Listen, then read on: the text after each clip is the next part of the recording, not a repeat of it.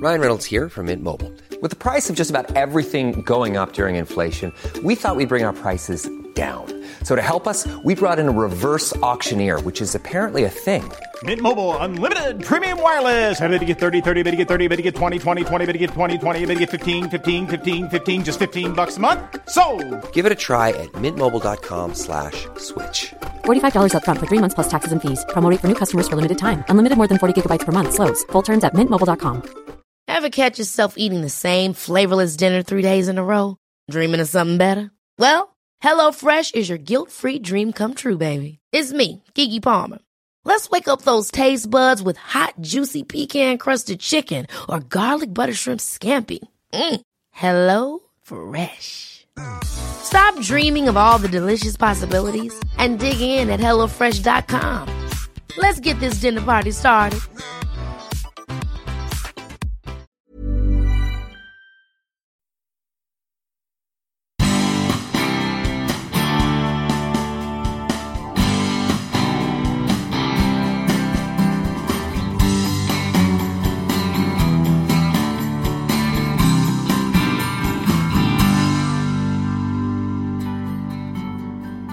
Kändes som mitt, eh, det värdet på mitt liv liksom hade blivit noll. Eh, Nollställt i princip. Det var bara att kämpa sig upp från det. Det är avskyvärt och det är exakt samma mekanism som jag såg liksom när man upphöjer sig själv då. I, i nazisternas värld var det, är det ju rasen då. Men här handlar det ju om någonting att vad man tror på. Och sen eh, landade vi på Arlanda. Och det är liksom dröms egentligen. Och jag satt och tittade ut genom fönstret ett tag. Liksom man såg skogar och sjöar. Eh, liksom, det var, var overkligt. Johan Gustafsson vaknade på sitt hotell i Timbuktu i Mali. Nerifrån gården så hörde han ett oväsen och öppnade dörren för att kolla vad som stod på. Han visste inte att det skulle bli det sista han gjorde i friheten. Johan fängslades och kastades upp på en lastbil. Nu började 2039 dagar i öknen som gisslan hos den fruktade islamistiska terrororganisationen Al-Qaida. Vad gör man för att inte bli galen i en sån situation? Hur överlever man fysiskt? Och vad var det egentligen för människor som var hans kidnappare? För att berätta en sån här historia behövs både tid och en lugn plats. Som vanligt så hittar vi detta i poddens hem i Stockholm, nämligen Nordic Light Hotel intill Centralen. Tyvärr bröts dock lugnet lite på slutet av ivriga hantverkare. Men å andra sidan, det känns ju fullt rimligt att man renoverar badrum i pandemitider.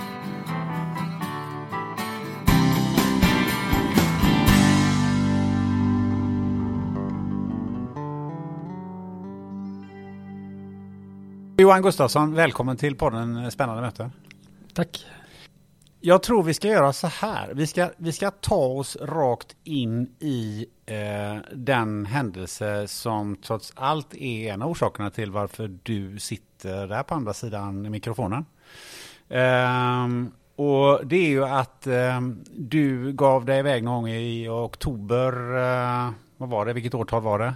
2011. 2011 och skulle åka ner till Afrika. Vad, vad var resans mål? Um, åka runt Afrika faktiskt. I alla fall åka ner till Sydafrika först. Uh, längs kusten.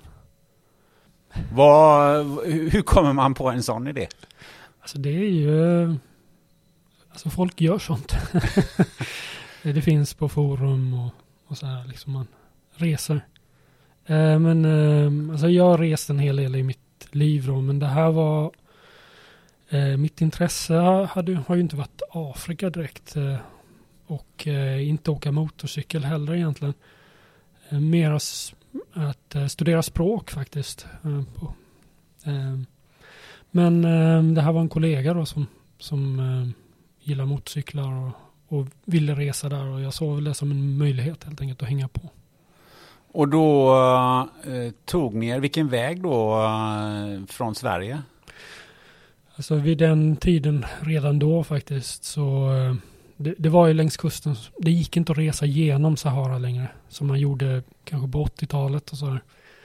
Eh, det, det var helt enkelt, det var- för farligt redan då. Utan man åker längs kusten. Marocko, Mauritanien.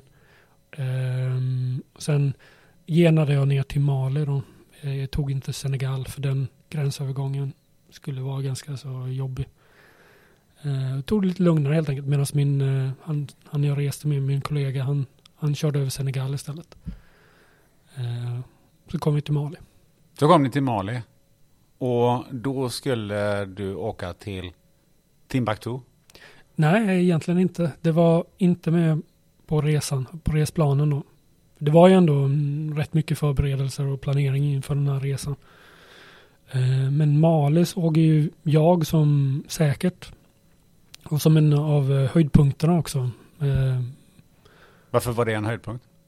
Dels var det då att man kommer ner från den väldigt torra, alltså Mauritanien och Marocko. Det är ju mycket öken och torrt. Arab, arabiska folk.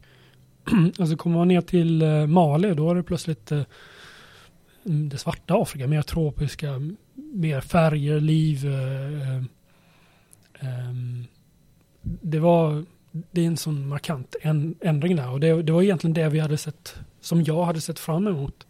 Och det var väldigt roligt alltså i, i resa. Folk var väldigt vänliga. När man kommer förbi gränserna då som är jobbiga. Och i och med att vi åkte motorcykel så hamnade man på lite mindre ställen. Folk var genuint alltså, nyfikna och intresserade och hjälpsamma om det behövdes. Det var ju väldigt roligt. Eh, så jag hade ett väldigt positivt intryck av Mali.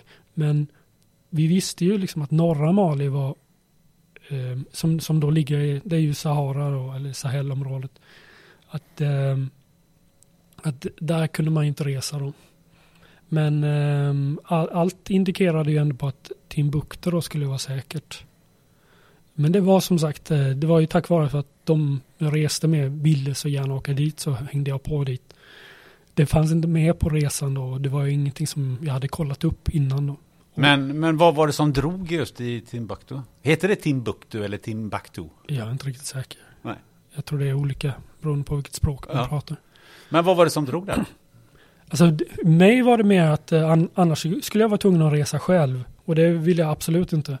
Utan då hängde jag med de här eh, som jag reste med.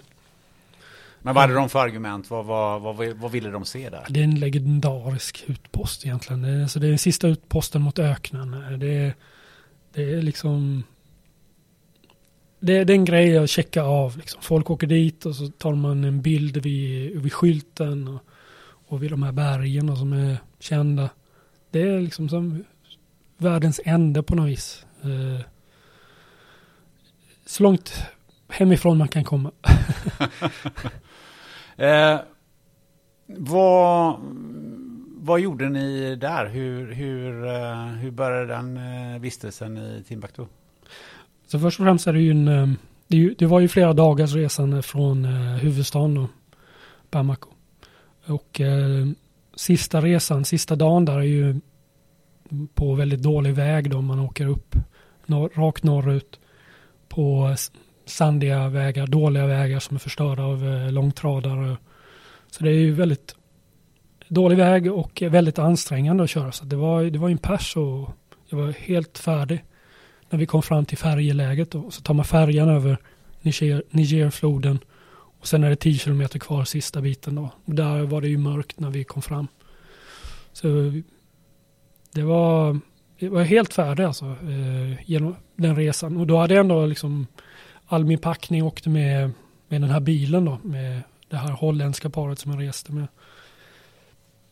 Och sen eh, kom vi fram till den här dammiga staden och det var väl egentligen inte vi sov över på ett hotell där och sen eh, dagen efter så gick vi runt på stan och det var dammiga gator, varmt och inte så mycket att se egentligen som, som jag hade kanske trott att det, det kanske inte skulle vara så jättespännande.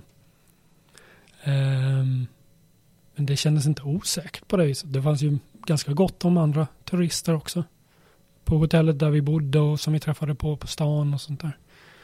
Eh, ingen hade varnat oss eller sagt någonting på, ehm, det fanns ju eh, kontroller då överallt. Alltså både i Mauritanien och Mali så är det ju varenda by så är det liksom en checkpoint. De kollar och skriver ner pass och, och sådana här saker. Och även när vi åkte in i Timbuktu så, så stod ju militären där och tog eh, våra uppgifter. Så här, men sa ingenting. Eh, så det kändes inte något konstigt. Men sen så blev det eh, milt sagt eh, konstigheter. Kan du berätta lite? Vad, vad, vad hände? Ja, men alltså vi gick ju runt där uppe på mitt på dagen. Och sen när det blev riktigt eh, varmt så gick vi ju tillbaka till hotellet. Och eh, jag gick in i sovsalen och de andra satt utanför. Och när jag slumrade till där så vaknade jag ju till av att eh, alltså det är skrik och ett, ett ståhej utanför. Och eh, alltså det, jag tänker att det är kanske är ett rån eller att det är bråk eller någonting. Det skedde ju rätt mycket konstiga saker på en sån här resa. Det, det är ju många som vill guida och, och sälja saker och, och, kan vara rätt pushiga och, och, och det, fin, det är ju, finns tjuvar och sånt, sånt där också. Liksom, så det, det, var inte, det var ju det jag tänkte på. Men när jag då skulle ge mig ut där och gick ut i korridoren så eh, direkt när jag öppnade dörren där så springer jag på en, en gevärspipa direkt. Alltså får en, en Kalashnikov i ansiktet. Och där står en maskerad man. Eh, man ser bara ögonen på honom. Och han är jätteskärrad. så att det... Skärrad? Ja, alltså det är mitt, eh, det är intrycket jag kommer ihåg. Liksom, att jag, jag överrumplar någon. Som är som har ett vapen liksom där. Och det, det, jag blir livrädd liksom att han ska skjuta mig på plats där. Eftersom jag var liksom så abrupt eh, på honom. Men där blir vi stående då. Och jag försöker liksom lugna ner situationen. Eh, och försöker fatta vad som sker också. Men... Vad var din första tanke där? Jag såg liksom gevärspipan där och de här skärrade ögonen. Men var du, vad, vad, tänkte du att det var ett överfall eller liksom en, en rån? Nej, eller jag tror inte, hann inte greppa liksom. Utan det var bara liksom skjut inte, skjut inte. Eh, det var det, var det liksom att bara få, få ner liksom det eskalera situationen. Liksom, så får man ta nästa sen. Allting, allting annat runt omkring bara försvann. Det var jag och han liksom stod. Eh, sen bör man ju kan man tänka liksom att eh, ja, sen, sen blev, blev det ju det, det skedde jag kommer inte ihåg alla detaljer liksom, men på något vis så blev det, vi stod där ett tag och sen leddes jag ut, ut över gården där. Jag har inga minnen från, från det. Och så ut genom porten då. Det var en hög mur runt det här stället. Och där ser jag ju då eh, en, en annan turist som, som, eh, som var på det här hotellet. Då. Inte som vi reste med.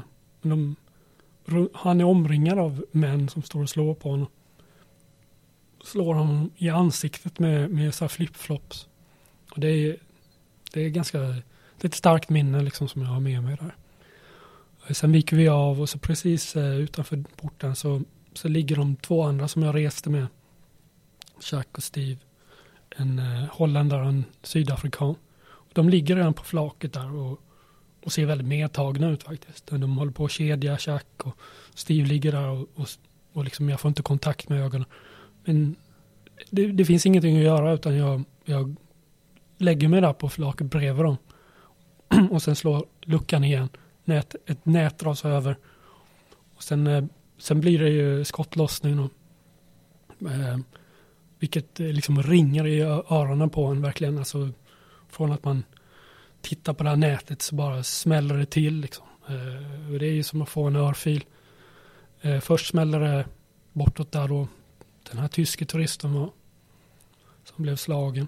Och sen smäller det precis bredvid oss en som skjuter en pistol i, som är uppe på flaket där. Och då, då, då barkar det iväg. Och allting blir kaos. Eh, vi, det gäller bara att hålla sig fast för livhankarna bak på flaket. Eh, det är starten då på dina 2039 dagar i, som gisslan hos eh, eh, Al-Qaida i, i den maliska öknen. Och lite för att, eh, vi ska komma tillbaka till det, men lite för att eh, vi ska eh, eh, förstå hur du hanterade det och hur, hur du reagerade så skulle jag vilja ta ett antal steg bakåt i tiden. Eh, och fundera lite på vad, vad, vad har du dina rötter någonstans? Um, ja, min, min far är ju, har ju varit pingstpastor. Vilket då har inneburit att när han har bytt församling så har vi flyttat. Så det innebär ju då att jag föddes i Karlstad. Sen flyttades vi till Småland och Skåne, ett par ställen. Och, och även liksom att när vi reste som, när vi var små, då var det ju liksom andra församlingar vi hälsade på hela tiden. Det fanns ju alltid någon kyrka som man kunde sova i. Så att det, nej, det, det var mycket det. Ehm, men jag gick i småskolan nere i Skåne på Österlen så att det känns väl ändå lite som där har jag rötterna då. Sen, sen har det ju varit väldigt mycket i Småland också. Så att, eh, och nu bor mina föräldrar i Småland så det är ju dit eh, jag vänder hem om man säger så. För jag såg någonstans att du var med någon, eh, någonting kring eh, Värnamos eh, mest kända årets medborgare eller någonting åt, åt det hållet vid något tillfälle. Eh, ja. någon, det var någon, om det var Värnamo tidning eller vilka var som skrev om det.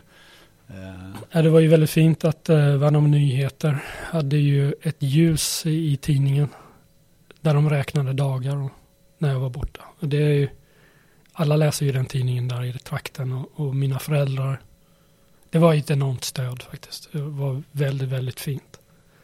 Det, det värmer liksom när jag tänker på det.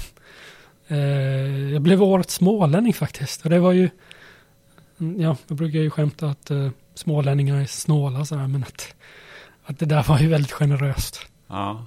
ja och, och frågan är ju om jag känner mig som smålänning. Ja, mer nu i alla fall. Men eh, du sa att din, din pappa då var pastor i Pingstkyrkan. Var, eh, hur, ehm, hur präglas man av det? Eh, ja, det, alltså det är ju ehm, det är väldigt, väldigt mycket aktiviteter alltså i, i, inom Pingstkyrkan, frikyrka överhuvudtaget. Så att det, det var ju så, vi bodde ju bredvid kyrkan i princip. Och där var ju alla aktiviteter, barnaktiviteter och söndagsskola, utflykter och hajker och, och allt det här. Eh, så att eh, det var ju liksom, man var ju dessutom när mamma och pappa var i kyrkan så var man ju tvungen att vara med. Men eh, när började du reflektera över att det var kyrkliga sammanhang och inte det var bara en massa eh, kompisar? Ja men det blir ju eh, när man kommer upp i tonåren. Där. Speciellt när vi var i Skåne då, då där är ju inte så många som går i kyrkan på samma sätt som i Småland till exempel. Eh, så att jag hade ju inga vänner inom kyrkan där helt plötsligt. Och det gjorde att jag ville ju inte gå dit heller. Det var ju tråkigt också att sitta still. eh, och jag hade väl aldrig, eh, tror aldrig jag har trott liksom. Utan det var mer en plikt att följa med. Och, och någonstans där så börjar man ju bestämma själv. Hur var reaktionen hemma på det då? Ja, det var ju, de var väl ledsna. Men kunde man ta, var det högt i tak? Kunde ni ta de här diskussionerna hemma? Alltså när man är i um, yngre tonåren så har man inte så mycket val. Och då blir det ju lite konflikt. Man vill ju inte dit. Det är tråkigt. Man vill göra annat. Och det var ju en hel del uh, det var, det var lite striktare på den tiden. Liksom, det här med det var saker som var syndiga. Vi kunde inte titta på tv-program och, och filmer och, och, och, liksom musik och så här. Synd. Alkohol var syndigt. Det har ändrats en hel del. Det har blivit uh, lite högre i tak nu kan jag ju säga. Men det blev ju liksom där man gick ut till kompisar istället. och där kunde man ju titta på alla filmer och allting. Eh, hur skulle du vilja beskriva dig som, som barn? Nej, men det där är ju en stor del av, jag menar, som min tonårsrevolt. Och det blir ju som en stor del av en person. Så min äldre syster gick ur kyrkan. Och sen följde jag efter, liksom. Såg den möjligheten. Um, men det gjorde ju också att jag mm, hade ju tänkt väldigt mycket på det här med vad jag tror på. Och vad jag inte tror på. Så jag var ju väldigt... Också det här bråken då. Man eh, käbblar om det, om det där. Det leder ju ingenstans. Utan eh, det är inte så att jag vill ta tron från mina föräldrar. Som jag kanske ville på under tonårstiden liksom. Ehm, eh, men allt det där gjorde ju liksom att jag var när jag blev vuxen om man säger så, att eh, var klar över vad jag tror på men accepterar vad andra tror på. Men jag kände väl att jag var ganska färdig med det här med religion. Liksom. Vad, vad bestod den tron av? Eh, alltså jag kan acceptera att, det, att jag inte... Det kanske finns frågor som inte finns svar på. Alltså, vi lever det här livet. Men det behöver inte... Och, och det är det enda vi har. Alltså. Och, eh, men men jag, jag ser liksom ingenting efter det. Jag förstår varför man skulle vilja tro på något övernaturligt eh, eller att varför religioner finns. Det ser jag, jag, kan, jag kan förstå det. Jag kan se förklaringsmodeller för det. Men just det gör ju också att jag inte kan falla för det. Eh, jag tror inte på det. Även ifall jag skulle, alltså jag, jag förstår liksom den tryggheten och det stödet som man kan få. Som mina föräldrar hade under de här åren till exempel. Den här revolten som du eh, pratar om då, som, där du själv kom på vad, det, vad du skulle tro på och sådär. Hur, hur, eh, hur tror du att den har format dig eh, som person? Alltså, folk eh, ser mig som ganska allvarlig och seriös egentligen. Och så här. Att, ja. men egentligen ser jag mig själv liksom att, att eh, jag tar inte saker och ting på så stort allvar egentligen.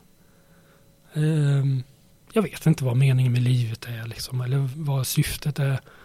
Och jag söker inte ens det. Det, det liksom känns fel formulerat den frågan. Men däremot så om man vänder på det så, så är det ju det enda jag har det här livet. Varför inte göra det bästa av det?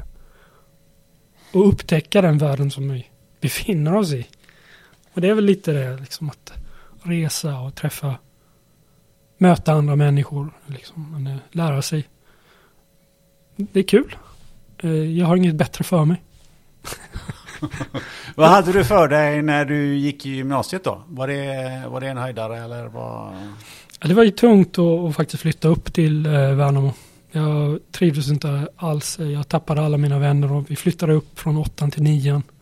Så i sista ring på högstadiet så hade jag en ny klass. Och där. Det, det, var, det gjorde ont faktiskt. Um, sen fick, uh, på gymnasiet sen så fick min syster mig faktiskt åka till USA som utbytesstudent.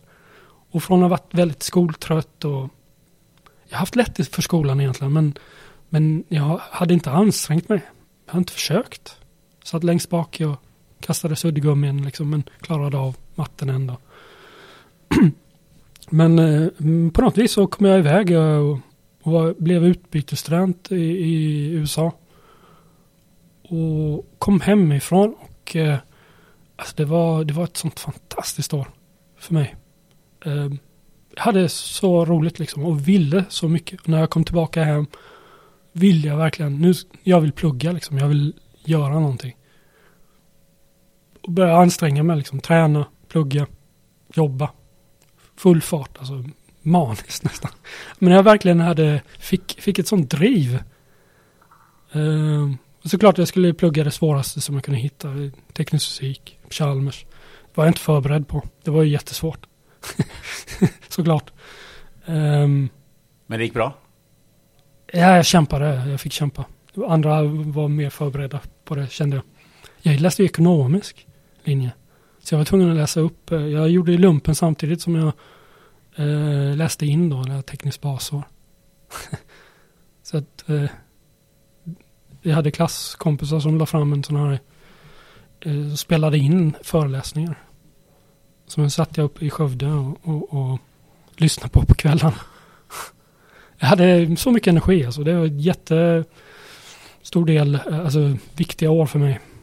Um, vad, vad gjorde du sen när du var klar med dina studier på Chalmers? Uh, ja, det, det, det var en ganska utdragen affär. uh, och uh, jag pluggade språk på somrarna. Uh, hade tänkt hela tiden tanken på att jag skulle läsa utomlands då. Så fjärde året, eh, det blev inte Mexiko då. Jag pluggade spanska först. Tänkte åka till Mexiko, men det passade inte i skolgång. Så det blev Singapore istället. Helt åt andra hållet. Och där började jag läsa kinesiska då. Märkte att det var väldigt frustrerande att göra i Singapore. De pratar dialekter där helt enkelt. De lär sig det i skolan och är inte intresserade av att prata om det. Och därför åkte jag till Peking och där fick jag stipendium att plugga kinesiska. Jag stannade där i två år. Eh, så det blev en lång omväg liksom.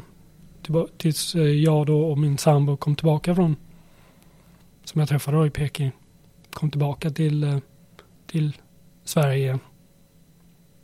Och där eh, började jag jobba som konsult då, inom, som ingenjör. Men känns det här som att resandet blev en ganska central del i ditt liv att uppleva? Alltså de, de roligaste, lyckligaste, mest givande stunderna liksom i mitt liv har ju varit det här med att plugga i USA. En sommar i Dresden, plugga tyska. Pluggat i Malaga. Eh, även i Italien en sväng. Och sen i, i Kina, i Singapore. Eh, det, det är liksom man upplever landet tillsammans med andra då som man pluggar med. Man, man, man liksom är en grupp som tillsammans blir nyfiken och upptäcker sin, sitt nya land och, och språk och, och, det här.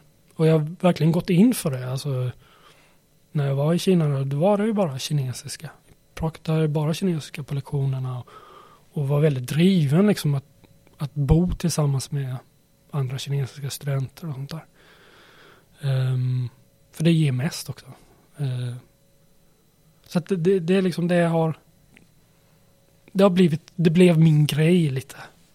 Inte för att jag är någon talang liksom på att lära mig språk och så. Tvärtom så är jag lite för um, jag, jag är inte så bra liksom. Jag är inte så pratglad som man borde vara man tjänar mer på det.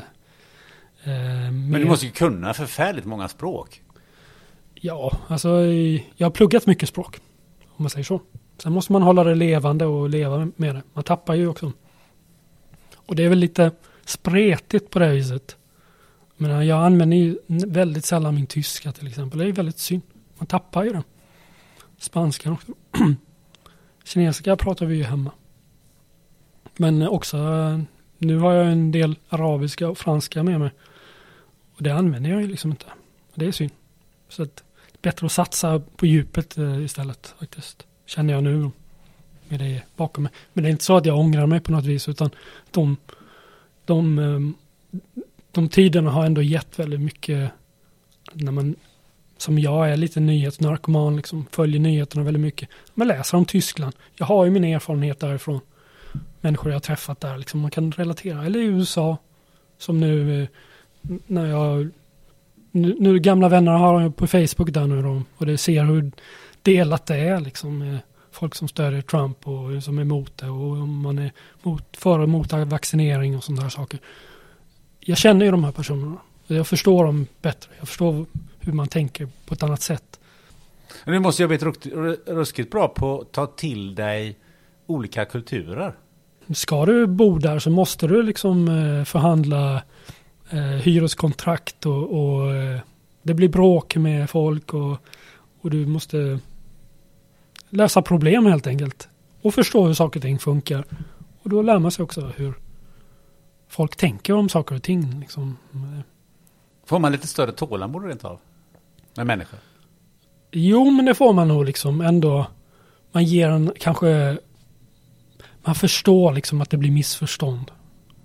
Man är inte så snabb på att döma kanske. Det finns olika sätt att se på saker och ting. Det, det tror jag. Um, Alltså mest extremt är ju liksom när de här jihadisterna som kidnappade mig. De utsatte ju mig för väldigt mycket ont. Alltså det, eh, men, men det är ju ändå så att jag har svårt för om man bara sätter etiketten terrorist på dem. Det är ju ändå jag har ändå sett så pass mycket av dem så att det liksom blir så ensidigt. Eh, även ifall det kanske är provocerande liksom att, att jag inte kallar dem det. Men Eh, och, och, kanske tror att det är liksom någon slags Stockholmssyndrom. Så här. Men jag vet mycket väl liksom. Jag såg dem som mina fiender. Det var inget snack om det. Men i, i, det är ju ändå liksom människor. De var inte annorlunda från mig i, i grund och botten. De har gått igenom andra saker men jag kunde ju se sidor hos dem som jag såg hos mig själv. Eller liksom folk som jag hade gått i samma klass med eller jobbat med. Folk som är driftiga, folk som är lata, jobbiga, utåtriktade på alla sätt liksom. Ingen skillnad. Ja, förståelse liksom. Och så är det ju på alla platser som jag har varit på. Och det, det är viktigt för mig i alla fall. Alltså, det, jag, jag har svårt att se liksom att om jag läser om något ställe jag aldrig varit på. man måste ändå förstå liksom hur nyhets eh, journalistik och så här fungerar. Det blir en väldigt, väldigt ensidig bild. Det är inte den här vardagliga. Man, man eh, bör ha liksom någon slags, varit hemma hos någon i något land först och, och varit på plats liksom för att förstå vad som är normalt där och vad som blir nyhet. Eh, på så vis känner jag liksom att jag är bättre på att läsa nyheter. Då. Om Kina till exempel. Man kan sätta det i proportion till saker och ting. Och när du var på något av de här jobben så eh, var det någon av dina eh, kompisar som sa varför inte åka motorcykel till Afrika. Hur mycket motorcykel hade du åkt? Jag hade inte kört motorcykel. Du hade inte ens motorcykelkörkort? Nej. Och det var väl kanske det mest... Alltså jag, är, jag ser mig inte själv som en äventyrare eller någon som utsätter mig för risker i onödan. Men just det här med att köra motorcykel eh, i Afrika är farligt. Farligare än vad jag uppskattar. Jag underskattade det, det ganska mycket faktiskt. Alltså vi, jag tog det seriöst. Vi gick in för det rätt rejält men det var på minsta möjliga det, det, var precis att det gick alltså. Eh, att göra, liksom ta kör, mot, mot eh, körkortet. För att komma iväg på resan. Och det... Så att du hade ett nytaget motorcykelkörkort. Mm. Och sen det första du gör mer eller mindre. Du sätter dig på hojen och drar till Afrika. Mm. Vi hade rest i Sverige. Jag hade kört rätt mycket då med Tommy som jag, som jag reste med. Och tanken var ju liksom att han kunde ju allting. Han har ju rest väldigt mycket med motorcykel innan. Alltså vi hade samma typ av motorcykel, samma packning och så delade vi liksom upp eh, reservdelar mellan oss. Så det var ju bra på det viset. Alltså pengar var liksom inget större problem utan vi var ju kittade så gott så, så mycket man kunde liksom. Men det där väger ju inte upp erfarenhet, långt ifrån. Hellre enkel utrustning och mer erfarenhet.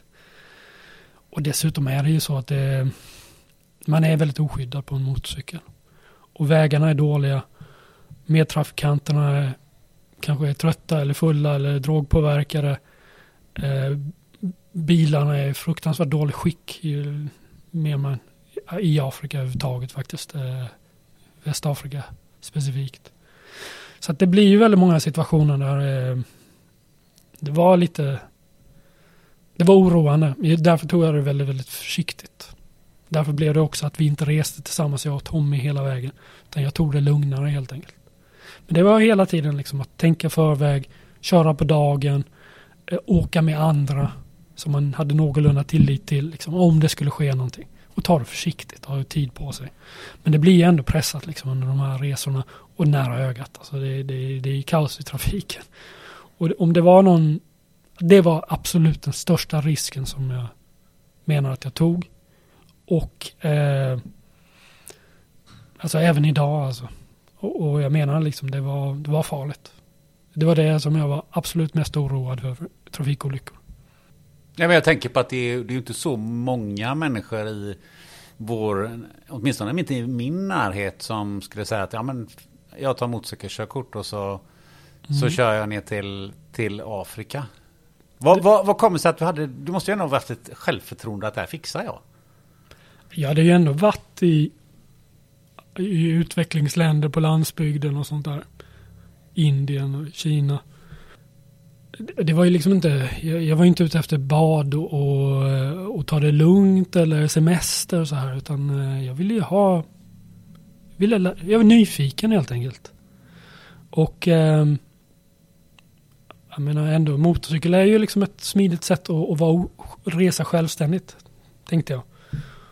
Och eh, ett sätt också, även ifall det är dåliga vägar, så tar man sig fram ganska bra. Liksom. Eh, jag tänker innan du beslöt dig för att åka så hade du liksom i ena vågskålen eh, flickvän, jobb, eh, karriär kanske. I andra vågskålen säga upp sig och dra till, till Afrika. Vad kom sig att den vågskålen blev eh, tyngre? Alltså jag sa ju nej först när jag fick frågan. Eftersom det var liksom fel världsdel och fel fordon. Men samtidigt tänkte jag ju om dem. Dels var det en ganska bra tid i, i livet och when min sambo ville satsa på sin karriär. Och hade några, ville stanna där några år helt enkelt. Eh, jag såg väl inte som en större utmaning bara liksom fortsätta och... Alltså jag, jag gillade mitt jobb. In, inte så men, men det här var ju... Det, var, det, det kittlar min nyfikenhet helt enkelt. En möjlighet att åka, ha någon annan då. Dels för motorcykelns skull, liksom någon mer erfarenhet som kunde det. Något som jag kunde lära mig av. Och eh, resa i en, en kontinent liksom som jag kände till ganska lite.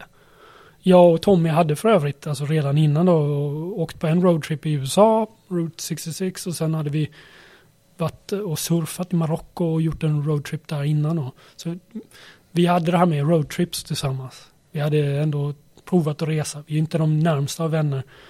Men eh, vi hade ändå liksom provat på att resa och det funkar bra liksom. Eh, en bra kille liksom att resa med.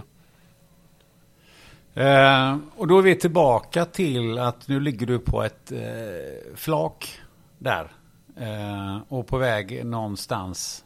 Nej, all, allting bara liksom vänds upp och ner. Bara som att tr- trilla ner i ett djupt, djupt hål. Bara släppa allting liksom att nu är det bara att hantera situationen här och nu. Allting med motorcyklar och resandet och allting var bara liksom ut genom fönstret. Nu var det bara liksom att rädda livhanken här. Jag såg, vi, vi, de sköt ju honom, eh, den här turisten, Martin. Eh, det var jag på det klara med. Vi såg ju inte det. Vi besparades ju faktiskt att se det. men, men det var inget tvivel. Eh, vi fick ju reda på det sen. Liksom att vi fick det bekräftat sen också.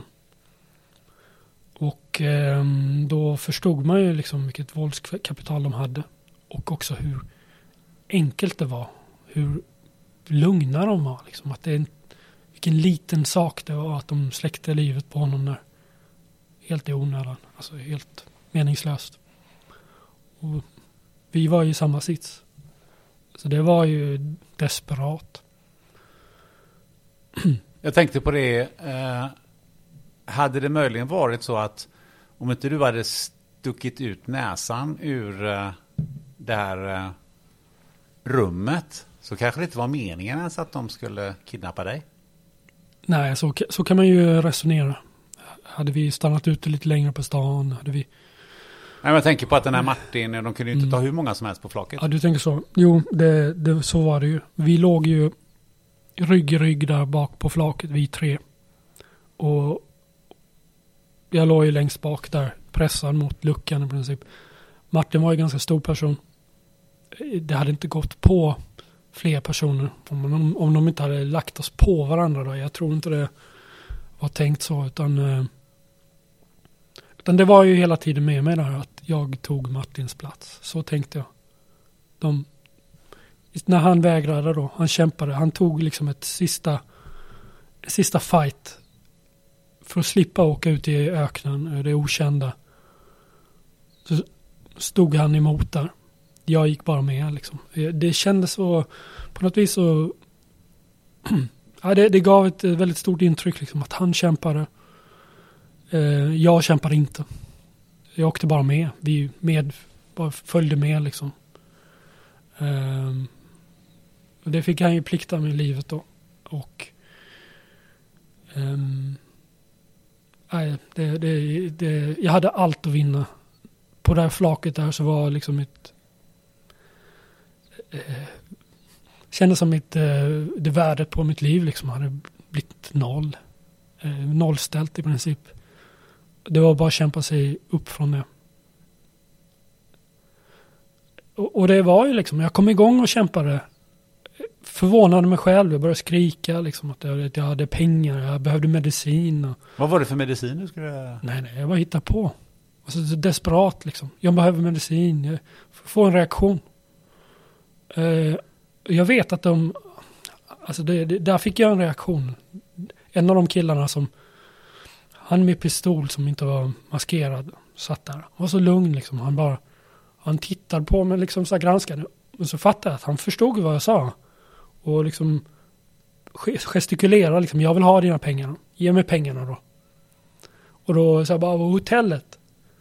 Och då bara liksom han bara viftar bort det och så bara medicin. Så och, och där på något vis säger han liksom vi, vi har det eller vi, vi har medicin eller någonting.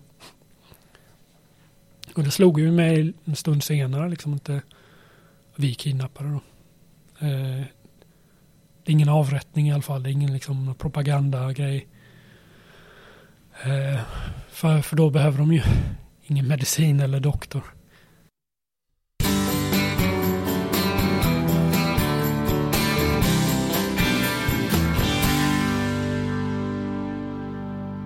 Den här podden den sponsras av Life Genomics, ett kliniskt laboratorium i Göteborg som bland annat erbjuder covid-tester. Har du precis bokat en resa på kort varsel och behöver PCR eller antigentest för covid-19? Ja, då kan du gå in på coronapassport.se för att hitta en vårdgivare i din närhet och boka en tid för test och friskhetsintyg. Life Genomics har samarbete med ett 150-tal kliniker över hela Sverige. Och om du reser från Arlanda eller Landvetter så kan du nu även testa dig direkt ute på flygplatsen vid Life Genomics Lab i samarbete med vårdgivaren Express Care. Där kan du få ett antigentest med reseintyg inom 30 minuter och ett PCR-test och reseintyg inom 2-4 timmar. Så, gå nu in på expresscare.se och boka din tid direkt. Tack, Life Genomics!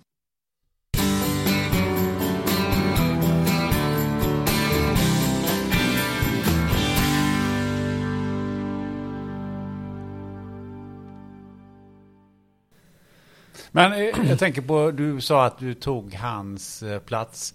Har du liksom till och med känt någon sorts skuld över det? Ja, det, ja absolut. Skuld är väl inte mer, men, men ändå liksom att det fanns alltid där, liksom den här situationen då. Att, att det var jag eller honom. Hade han åkt med där, ja, då, vad hade de gjort med mig då? De hade inte behövt skjuta honom. De hade ju bara kunnat lämna honom där. De hade ju tre. Mm. Så att hade han inte kämpat där, jag menar då, då hade de nog skjutit mig där på plats. Eh, det var ingen skillnad på oss två. Um, det, det, det gjorde ändå liksom att jag... Varför sköt de honom? Helt meningslöst. Ja. Eh, varför? Bra fråga. Men han... Det förstår jag ju liksom nu i efterhand. Eh, det är ju en religiös sekt som delar in mänskligheten i troende och icke-troende. Och de icke-troende är ju icke-människor på något vis. Hans liv var inte värt någonting. I deras ögon. Han var liksom lägre än djur. Och då ser de sig själva då som, som eh, gudskrigare. Eliten av muslimer. Och eh, säger han då nej, de får göra vad, så får de göra vad de vill med, med honom. Han är smuts. Det är ett fruktansvärt sätt att, att se mänskligheten på, eller se världen på. Men du sa att eh, han var eh, lugn där med, han, med eh, pistolen och, och överhuvudtaget kändes det som att de var att det var eh, att de var rutinerade. Men, men hur välplanerat vet du hur välplanerat det här var? Det var väldigt välplanerat. Och det var ju väldigt, eh, vad ska man säga, eh, det var ju, eh, man, vi kunde ju se, alltså jag kunde ju registrera det även i det tillståndet jag var på vägen ut. När de stannade och grupperade om, de mötte upp andra bilar som stod och väntade på, på, på, på, på rätt ställen. Och sen hur de tankade, liksom, det var snabba, väl, eh, de, de hade ju tränat det där. Och, och, hur lugna de var. Alltså det var chockerande hur lugna de var. Um, alltså i kontrast till hur skärrade vi var. Och liksom det gick ett i ett. Det, det, var en operation som alla visste precis vad de skulle göra. Ehm. Ja, det, det, var ganska kyl, liksom det, otäckt. Eh, det hade varit eh, värre om de hade varit drogpåverkade och eh, och helt odisciplinerade och så här. Det hade nog varit mer fruktansvärt, alltså på sikt. Men istället att de är helnyktra hela tiden och, och välorganiserade och, och, och väldigt eh, eh, ja, alltså det, det krävs väldigt mycket organisation för, för att ha, ha en sån här rörelse ute i i, ödemarken som det är. Vilket ändå visar liksom på samtidigt att det är väldigt, det är ju en mindre del av dem som kan läsa och skriva till exempel. Och de kan ju inte använda teknologi, radio och telefon och sådana här saker eftersom det kan avlyssnas och pejlas. Ändå får de det här att funka. Alltså det finns lång erfarenhet av gerillakrig inom den här rörelsen. Det gör ju också att ens chanser då liksom att smita iväg eller kunna fly man känner ju liksom att de har koll på en, att de vet det här. Det är många av dem som har suttit i fäng, fängslade och, och tänkt, de, de vet hur, hur det är liksom fängelsementalitet. Vad, vad man som fånge tittar på och tänker på. Så det, det, där gör ju att det, det, är svårt. De hade upplevt båda sidorna kan man säga. En, en hel del av ledarna, absolut. En del av de eh, härdade veteranerna har ju gått igenom väldigt, väldigt mycket. Men då låg du på ett flak på någon sån här eh, pickupbil eh, som man säger, som man ser på, på tv när de eh, kör. Um, när du låg där, vad, vad, hur gick dina tankar? Jag måste göra något, jag måste göra något. Det, det var det. Sen eh, när, sen med tiden, liksom, det, det var ju också där kämpa, bara hålla fast och inte slå sig så det var ju hård terräng och vi låg ju på metall den första, första rutten liksom. Sen slängde de in filtar och grejer och så här. Men då var vi ju helt blåslagna. Då. Och det var ju nära ögat liksom att man slog i huvudet och höll på att tappa medvetandet. Och då, det, det kändes ju om man hade tappat medvetandet där så hade man ju bara flugit runt som en trasdocka och kunnat slå, slå sig sönder och samman. Eh, och, att det inte hade spelat någon roll för dem heller. Ehm, så det var ju bara att kämpa. Sen var det ju, det var oändligt långt. Alltså det var, det kändes som en oändlighet. Det kändes som det aldrig tog slut. Jag var helt färdig. Helt färdig i armarna. Hade blåsor på fingrarna för att hålla sig kvar, alltså krampaktigt. Um, ni, var inte, ni hade ingen handfängsel på er? Nej, jag hade, nej det hade vi inte. Uh, nej.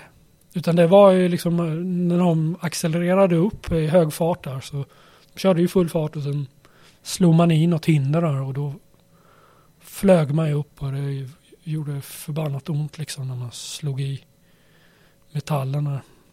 Det var, det var fruktansvärt. Det, det, det kändes som en evighet. Och sen när vi fick sitta uppe, vi körde ju genom natten då. Och sen när det bara dagas dagen efter. kunde vi sitta uppe och, titta ut över kanten för första gången. Vi hade ju legat på natten och tittat mot stjärnorna i princip. Försökt hålla reda på vilken riktning man hade åkt och så. Det var väldigt svårt. För man, man, man blev väldigt trött. Eh, men på morgonen där om man börjar se de här otroliga landskapen som man körde igenom. Och man bara fortsätter att köra och köra och köra. Och det liksom hoppet liksom minskade ju, ju, ju efter mil efter mil efter mil som nu åkte. Norra Mali är ju stort som hela Frankrike. Så det är enorma vidder som vi körde igenom. Eh, utanför, alltså inte, man kör ju inte på något, det finns inga vägar. Eh, och bara tanken liksom att man skulle på något vis var tvungen att ta sig tillbaka. Den, att gå du kör en timme liksom. Det börjar kännas rätt hopplöst att kunna gå tillbaka. Och när du har kört fem timmar, sex, sju, tolv timmar. Då är det, det, det är ju liksom, du har korsat ett helt land. Du vet inte vilka riktning som du ska gå ens. Och hur skulle man kunna gå? Det, det kändes helt hopplöst. Ja, hur visste ni att det var, att det var terrorister? Det kunde lika vara ett banditgäng som... Ja, det kunde det lika väl vara. Eh, och det var väl egentligen det jag lutade mig mest mot.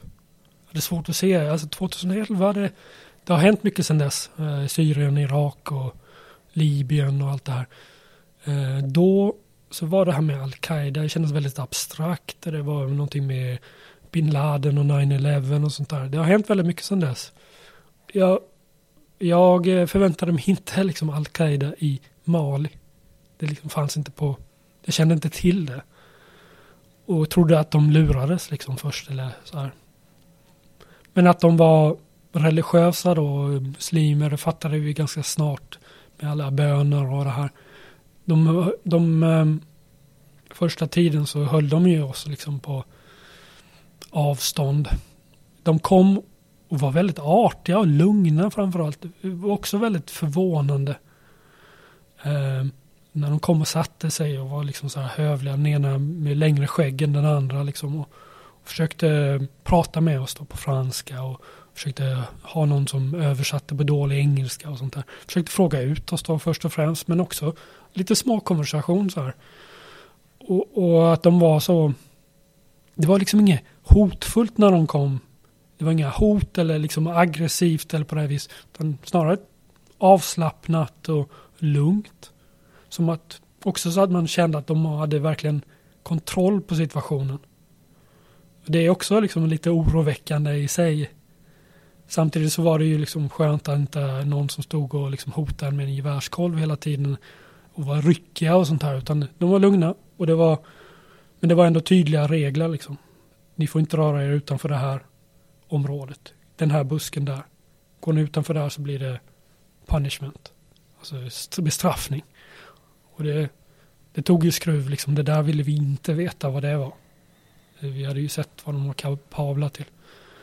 Um, så det var ju liksom att vara följsam och, och vi försökte ju liksom vara, verka trevliga liksom och så här. Eh, nästan inställsamma kände man. Men, men det var ju liksom så pass mycket på spel. Samtidigt så såg man liksom hur de tittade på oss med förakt. Speciellt de små yngre killarna. Det var ju någon gång när någon yngre kille satt och, och liksom siktade på oss helt enkelt. Han eh, tränade med sin Kalashnikov och, och siktade på oss. Det kändes ju väldigt obehagligt. Men det var så liksom de såg på oss. Och vi såg ju liksom när de, vi kom till ett läger så, så fick vi alltid sämsta platsen. Gärna utan synhåll också. De ville inte se oss. Och det var med förakt, liksom allt det här med hur de slängde över en matskål och, eller när vi var tvungna att tigga vatten. Då kom de ju, vi fick ju stå där och tigga liksom. Det var väldigt förnedrande. Eh, så man, eh, man kände sig att man var som boskap liksom, eller någon djur. Och vi var, blev ju skitiga och det var det var ganska hårt liksom, en hård omställning. Det var ont om vatten, vi kämpade med det. Och vi hade ju, fick, man, man fick förstoppning och diarréer. Eh, man var väldigt orolig också. Liksom. Eh, man är plötsligt långt ute i ödemarken. Vad finns det för faror där liksom? vi såg ju ormar och skorpioner och, och så här. Var, man, man, det finns ju ingen, fanns ingen sjukvård liksom. Det fanns inga, inga skyddsnät överhuvudtaget. Och man verkligen kände liksom att ens liv var värt så lite. Små marginaler liksom. Även när vi fraktades runt och hade ögonbindel. Det var ju väldigt otäckt liksom. Ibland svischade man förbi träd och, och de satt ju och skrattade åt oss. Liksom. Eh, man kunde ju slå sig fördärvad. Eller trilla av liksom i de här. De körde ju som, som det var rally liksom, full fart. Man hoppade runt och det var massa vapen under de här. Vi satt på flaken och med höga laster. Liksom. Massa lastpackning bak på bilarna. Och där fanns ju vapen och grejer. Och det, det, man ser ingenting. Det är väldigt lätt att klämma fingrarna. När saker och ting skjuts på, på lasten så här. Satt och höll fast oss i ett enkelt rep. Jag höll ju, höll ju i mig för blotta livhanken. Jag hade aldrig en aning om hur lång tid det skulle ta. Två timmar, tre timmar, tio minuter. Det, eh, ja, det var de första tre månaderna där var, var desperat. Alltså, hårt. Hur, om du tänker efter eh, nu, eh, blir du förvånad över hur snabbt du gick in i det här överlevnadsmodet eh, som du verkar ha gjort? Det fanns ingen val, kände jag. Men det var, det var lite det här att Martin och jag tog till mig det. Att, eh, att, och det kändes ju liksom, ingen kommer förhandla med de här.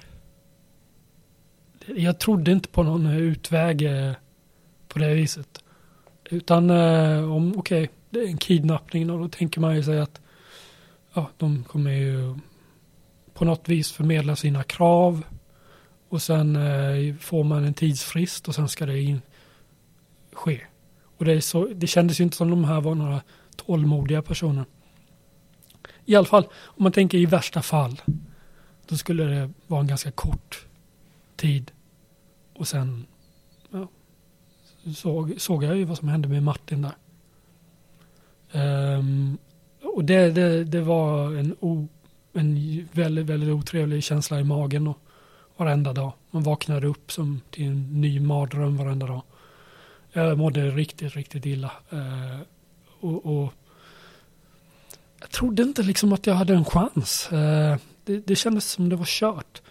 Men ändå var det liksom att jag måste ändå göra det bästa jag kan. Även ifall det är de sista veckorna i mitt liv, sista dagarna, så är det ändå liksom min plikt att se vad, vad kan jag göra? Jag menar, låt, säga, låt säga att det, det, är liksom en på tusen att det sker någonting oväntat här. Någon olycka eller att de kommer under attack eller vad som helst. Det sker ett fritagningsförsök. Hur kan jag förbereda mig?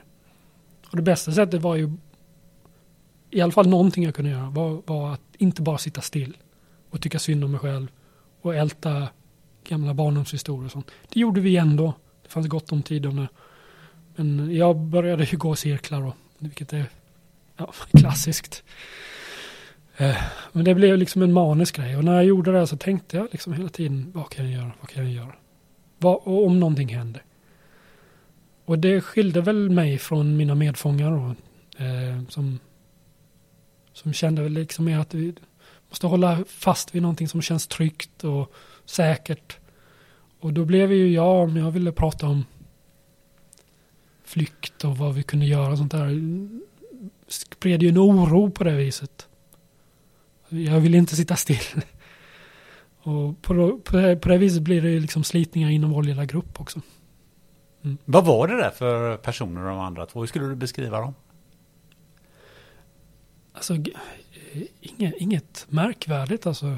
Jag tycker inte själv heller liksom är något exceptionell eller särskild. Ehm, de var ju som jag också liksom hade olika syften med sina res, eh, resor liksom. Men det, det var ju liksom Jack, ganska en händig person, haft många jobb och han hade ju fixat upp den här eh, bilen själv då inför den här resan.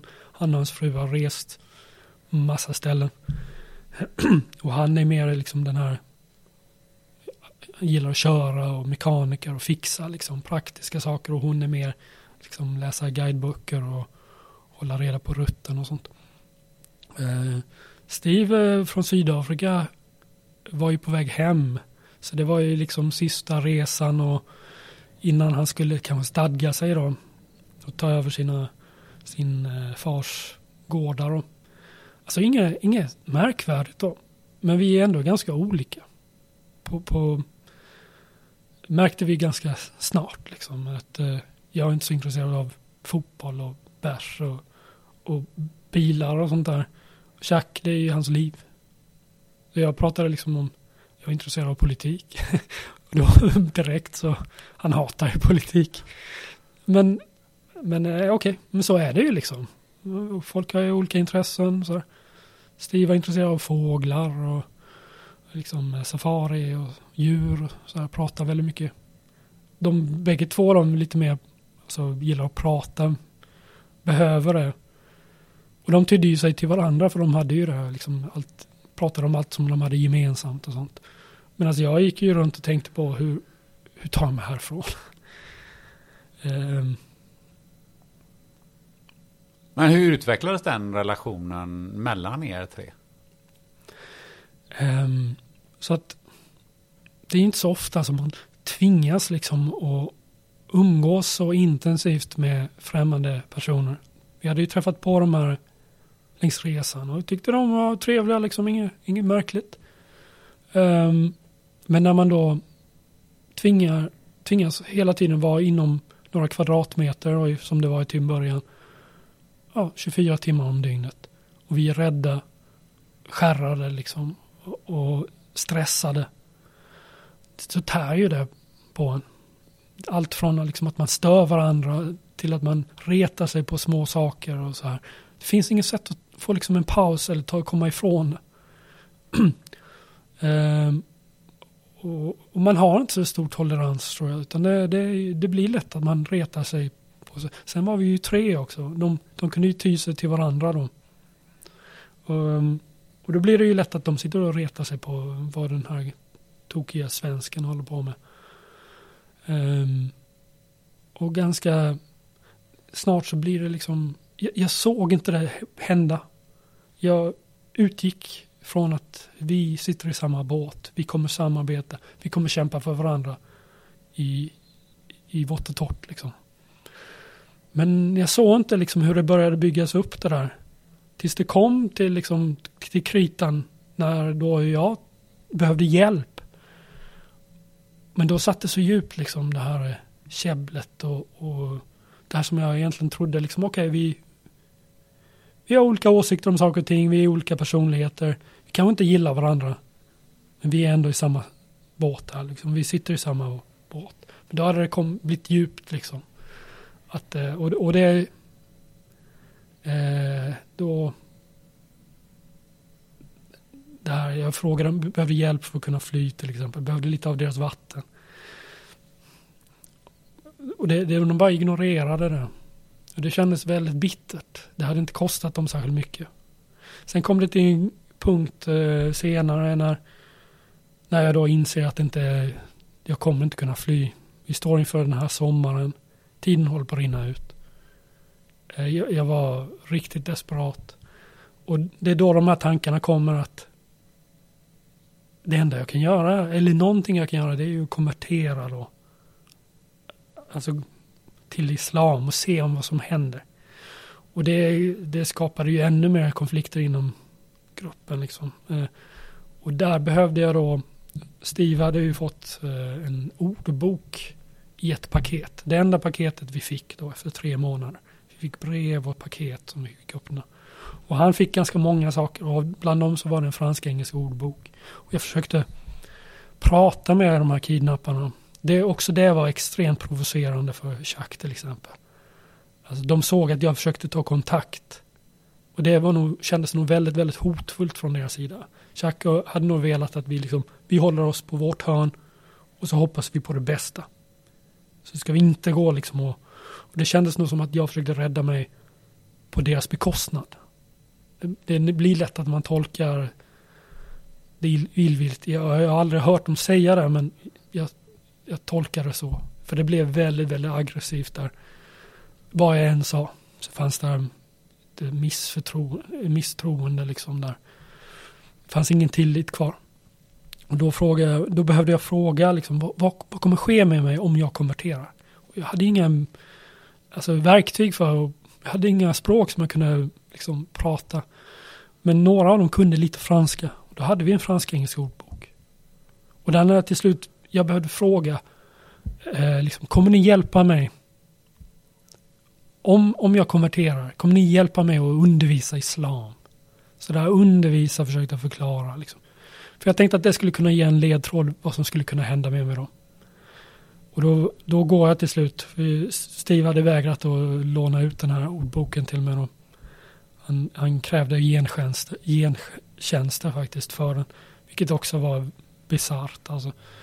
Men här, i det kritiska ögonblicket så vägrar han liksom. Nej, jag vill inte ha deras skitiga fingrar på min ordbok. Och det, det var liksom det kändes som det var liv och död faktiskt. Eh, och det hade gynnat honom också. Så det var av ren illvilja bara. Eh, konfrontera honom det senare. Men den här ordboken liksom var med hela resan och, och var alltid liksom någonting som skavde där. För det där gjorde verkligen ont. Alltså det, det kändes som ett sånt svek. Att inte liksom ta de chanserna som vi hade åtminstone. Och i Och det hade inte kostat honom någonting. Tvärtom.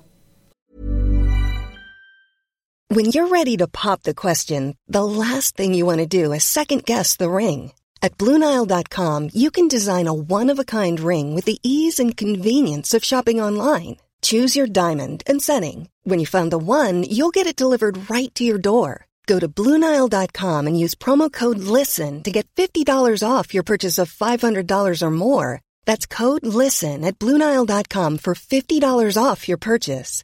Bluenile.com code LISTEN. Hey, I'm Ryan Reynolds. Recently, I asked Mint Mobile's legal team if big wireless companies are allowed to raise prices due to inflation. They said yes. And then when I asked if raising prices technically violates those onerous two year contracts, they said, What the f are you talking about, you insane Hollywood ass?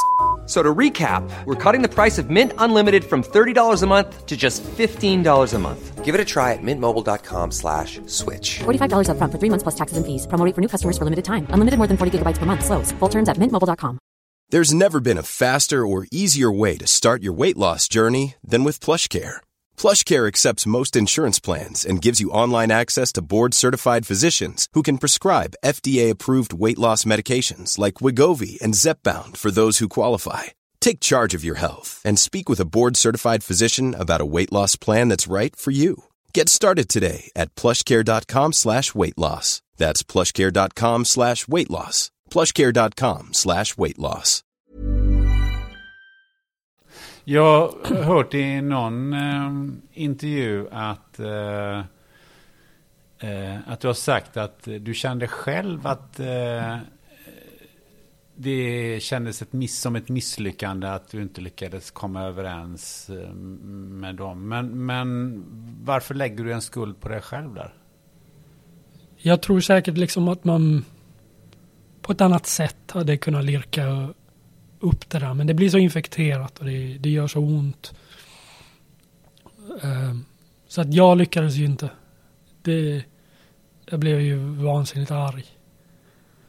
Uh, och sårad. Liksom, och, liksom, jag försökte behandla dem liksom på, på, på så schysst sätt som jag kunde liksom. Men så jag känner mig väldigt orättvist behandlad och så. Men alltså med humor och lite tålamod kanske. Det, hade, det finns så många sätt som det hade kunnat bli bättre. Men jag såg inte det hända förrän det var för sent. Och som sagt, de var två. De behövde inte mig. Ehm. Men om man säger så här då. Om ni hade samarbetat, om vi ponerar det. Eh, tror du att eh, ni skulle ha haft en större chans att lyckas och ta er därifrån? Alltså, vi hade ökat våra chanser. Alltså, vi hade kunnat samarbeta först och främst. Och lära oss en, en, en schysst dos med franska hade ju kunnat hjälpt oss att kommunicera. Planera de här samtalen som vi hade. Försöka få, få ut mer information liksom. Hur, hur, säkert tyck, hur, hur troligt trodde de det var att vi skulle kunna bli släppta till exempel. Men vi, gick ju inte, vi lyckades ju inte liksom i de här samtalen. Det blev ju bara att vi höftade och sen blev det ju massa alltså, lost in translation. Eh, vi, vi lyckades ju inte, de missfattade inte vad vi sa och vi fattade inte vad de sa. Det, man var tvungen att vara glasklar liksom med väldigt tydliga ja och nej-frågor i princip för att kunna få ut någonting av det. Och sen hade vi samarbetat om det och sen hade vi kunnat planera tillsammans då till exempel flykt eller men även konverteringen där. Vi, det var ju att stiga in i det helt okända. En av oss hade ju kunnat göra det först och se vad som hände.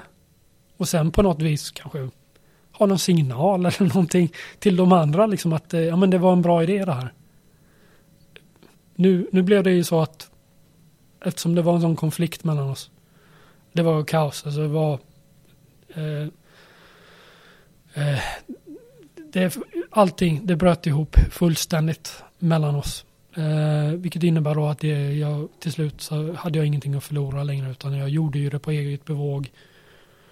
Eh, utan att vi hade kommit överens om någonting. Så att jag konverterade och separerades då från de två. Vi fanns i samma läger.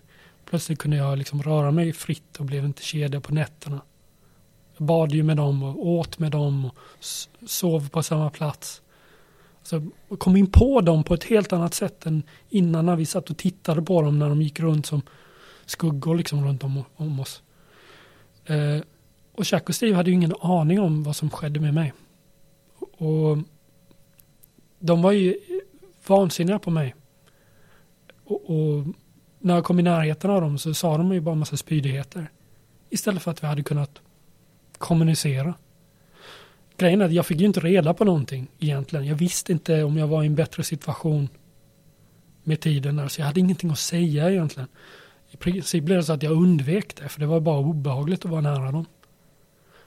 Ehm, så, så, att allt det här hade vi kunnat gjort på ett bättre sätt. Dessutom ge varandra stöd överhuvudtaget. Det är klart att det, det hade det hade gjort tiden så mycket lättare. Du gjorde ju ett eh, eh, flyktförsök, men det jag funderar på är om ni hade samarbetat, fanns det några andra möjligheter, till exempel att, eh, eh att göra ett överfall på de här eh, kidnapparna eller när de slappnar av att ta deras vapen, eller fanns det några sådana? Tror du att ni skulle haft sådana möjligheter? Absolut. Men, men det där är ju inte det första man gör kanske. Um, det är ju extremt. Ju mer man tänker på det, ju mer desperat är det. Men att göra det själv är det ju helt uteslutet. Hur många var de som minst när de backade? Ja, då, det var ju, dels blev vi ju, eh, Chuck försvann ju då. Och då var vi två kvar och då var vi två bilar. Så då var de kanske upp, uppemot en 10-12 då. Och när de då Eh, titt som tätt måste åka till en brunn för att fylla på vatten i så här vattentunnor som hade. Så åker jag halva styrkan iväg. Då kunde det vara fem pers. Eh, två mot fem. Och, men också när man förflyttar sig ibland så försvinner den andra bilen. Man blir av med dem. Plötsligt är man en bil. Finns eh, sandstormar dyker upp. Plötsligt ser man ingenting. Man kan röra sig ganska obehindrat. Eh, de sover ju, de älskar att sova de här unga killarna, sover långt in på förmiddagen. Händer ingenting i lägret, helt tyst. Eh, finns, det finns mängder med möjligheter eh, om man kan ha en som håller utkik, en som...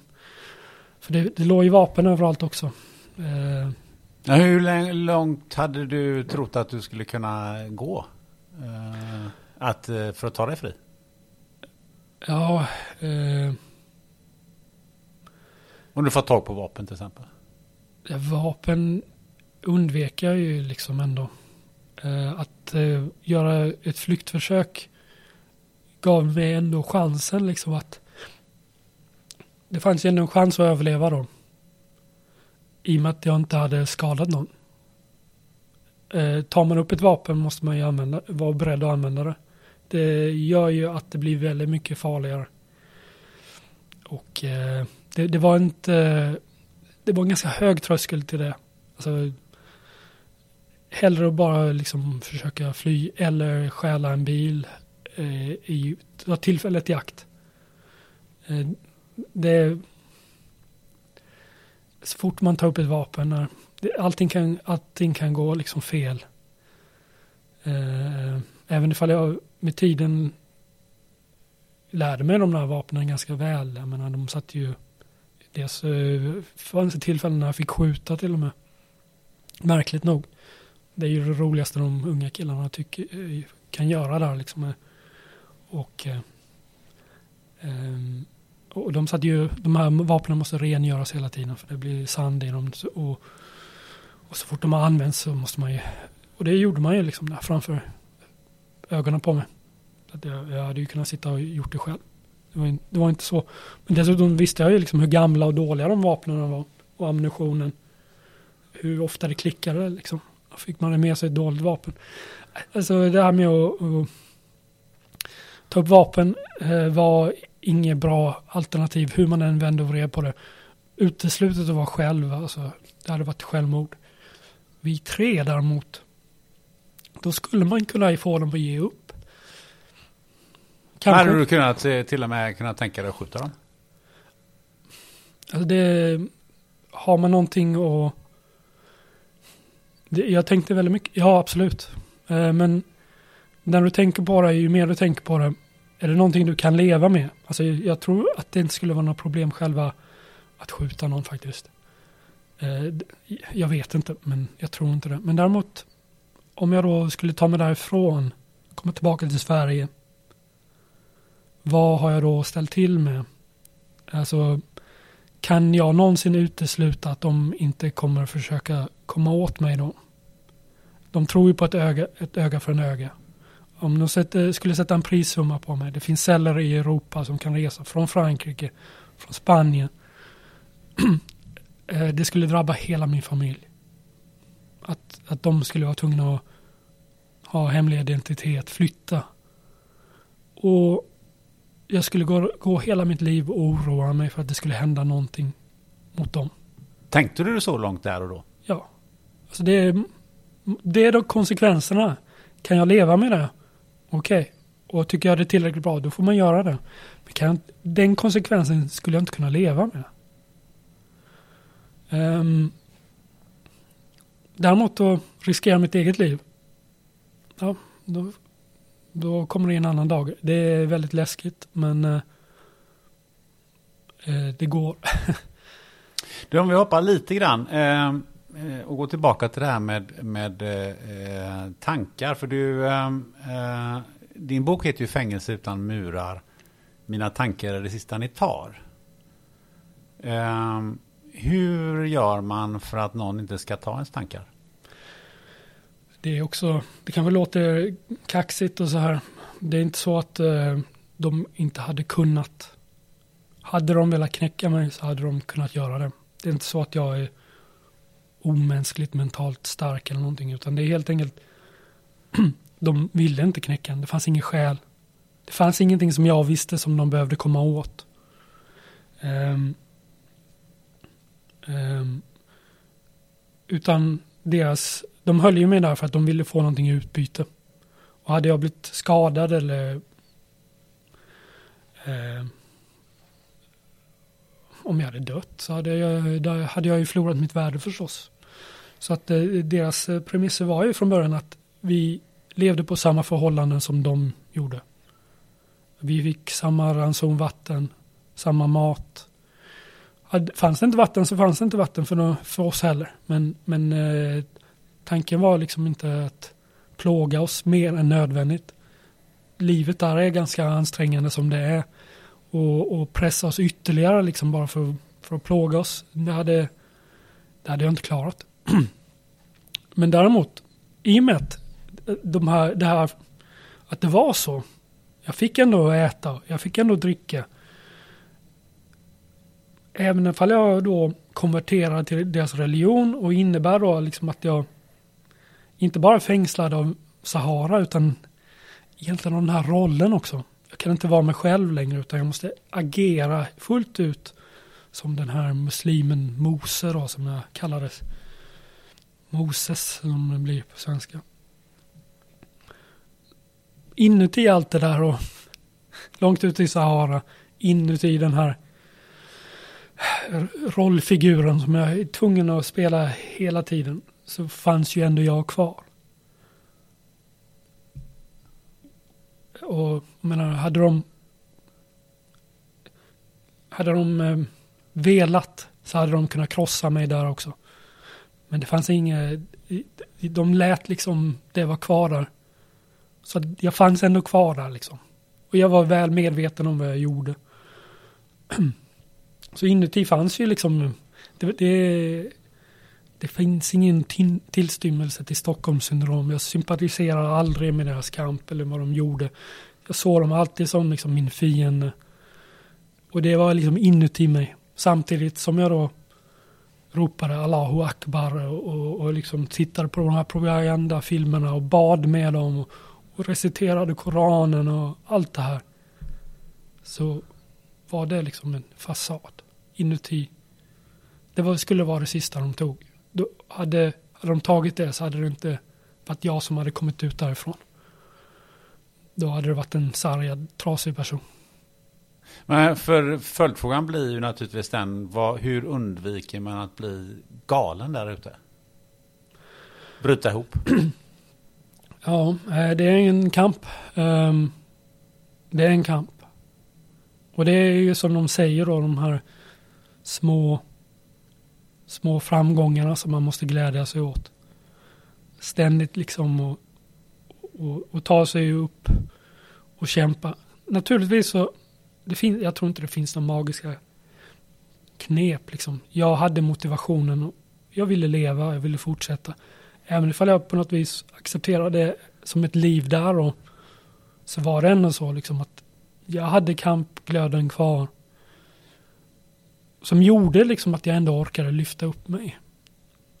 Men hela tiden var det, jag var rädd för det här dipparna. När det gick ner. Jag var livrädd för det. Att inte orka liksom stiga upp. Att inte orka liksom tvätta mig. Börja liksom tappa de här rutinerna som jag gjorde. Utan jag litade väldigt mycket på att bygga upp rutiner. Och var tvungen att göra saker. Ibland kunde det vara extremt små saker. Bara öppna liksom det här.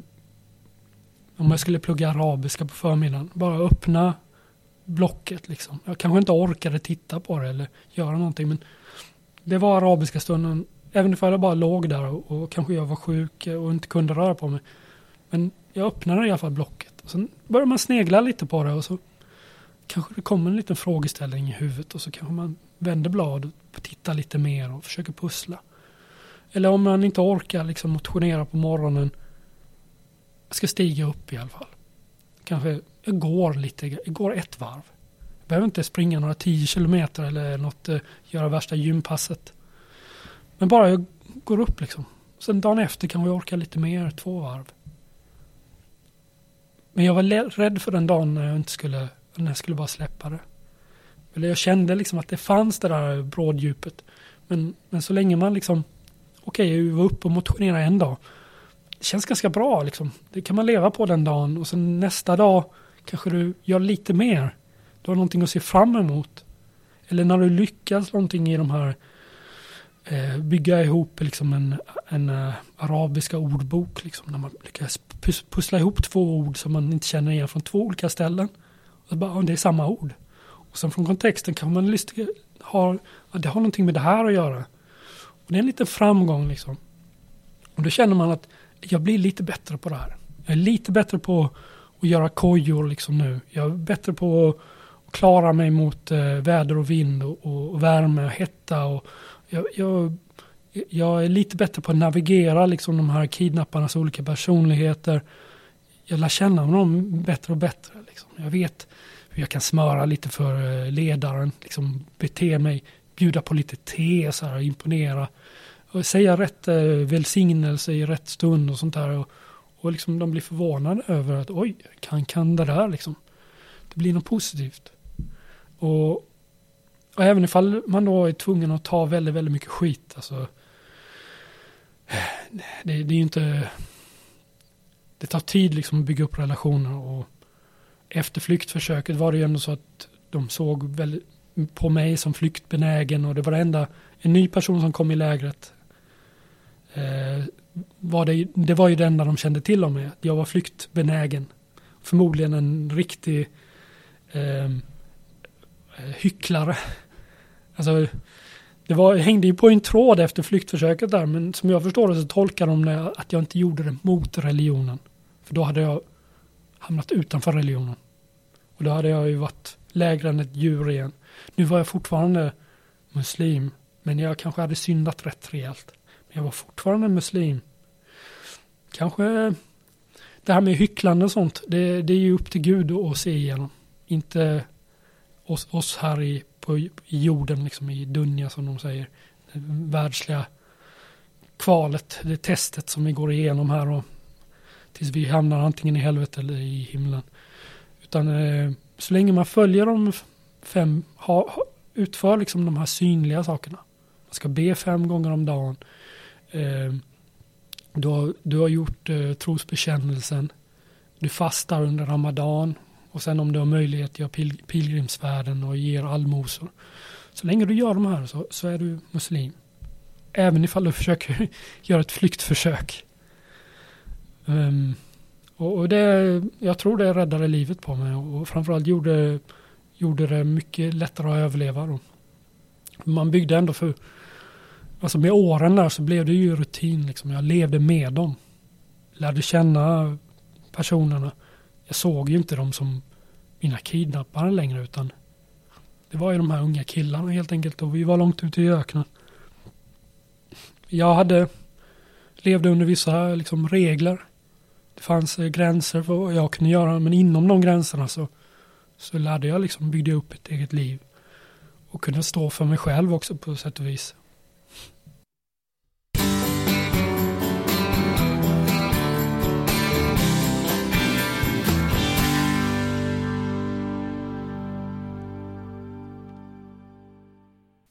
Väntar du eller någon i din närhet barn?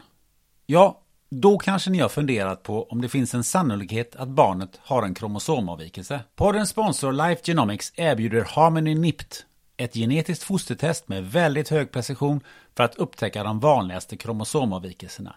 NIPT görs på ett enkelt blodprov från mamman som utförs på labbet i Göteborg. Gå in på hemsidan fostertest.se och läs mer. På fostertest.se hittar du också din närmaste vårdgivare som erbjuder NIPT-test. Life Genomics erbjuder även andra tester som covid-19 PCR inför exempelvis din resa eller andra möten. Dessutom erbjuder Life Genomics ett kvantitativt antikroppstest för covid-19 som påvisar aktuell immunstatus. Mer information hittar du på lifegenomics.se. Tack Life Genomics!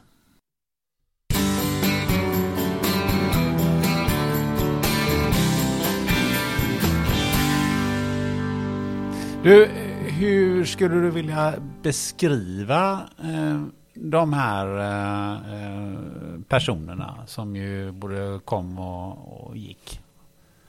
Ja, det, det, det, är ju inte ett och samma. Ehm, eh, utan det är ju stor skillnad på dem. Eh, så att, eh, jag menar det är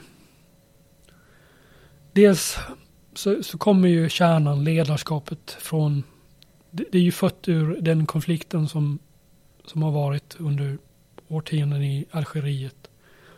Det är härdade veteraner som har slagits mot eh, militären i, i Algeriet. Och det, de har varit med om enorma umbäranden och de är fasta i sin tro. Väldigt eh, fasta. Alltså det finns en, folk eh, diskuterar om huruvida de är kriminella och, och, så här. Den kärnan där är extremt religiös. De går runt i de enklaste kläderna. De bryr sig väldigt lite om de här vapen och bilar och sånt där. Utan det, det är nästan dekadent liksom. Det är nästan så att de verkligen betonar liksom hur illa de tycker om de här sakerna. Eh, och, den, och de är hövliga, artiga, hjälpsamma offrar sig för andra. Alltså det, det, det är förvånande liksom. Men det, det, det här artigheten och det sättet man beter sig då som muslim. Man har plikt mot andra, sina bröder, mot sin familj och så vidare. Det här lever de ut i fingerspetsarna. För dem var det viktigt liksom parfym och, och liksom ha rena kläder och, och sådana här saker. Som är väldigt förvånande. Liksom, Parfym är, mitt ute i öknen? Ja, det, det är i religionen. Det var en... eh, Vi, vi kunde ha ont om vatten och sväl, svulten så här, men det kom ändå någon som kanske på besök och så lämnar de över liksom här, här har du parfym. Så, så liksom, vad ska jag med det till? Det var skrattretande i början, vi fattade inte. De slängde till oss parfym liksom när vi låg där helt blåslagna. Det var, det var helt bisarrt, alltså, de betedde sig så konstigt. Men med tiden förstår man det här. det är berättelser från profeten. Och vad profeten uppskattade, mjölk och kuddar och, och parfym. Och de här små bönerna man hela tiden säger. Så att då, när ledarna kom på besök eller någon ny, så, här, så var det ju ofta att de, ja, de kom och frågade hur det var, om man behövde någonting. Och så var det ofta så här, jag ska, jag ska ge dig en gåva här. Och så var det en ny liten bön som, om du säger den här bönen varenda dag så kommer du inte bli biten av en skorpion. Liksom. Man blir lite trött på allt det där, alla böner liksom. Det var ju hundratals saker. Vad man än gjorde, gå på toaletten, gå in i en hydda innan böner. Det var liksom ständigt, ständigt rabblande där. Men det, det var det liksom, det är det den, deras värld handlar om. Och kampen, det är bara för religion. Allting är, går att offras. Sin familj, allting det är frestelser. Och framförallt eh, bekvämligheter. Jag är inte dugg intresserad av sådana saker. Utan se till att alla andra får liksom först. Är det någon som fryser, ja, då erbjuder man den jackan. De kunde gå runt i de mest trasiga grejerna. Och ja, eh, väldigt oväntat på något vis.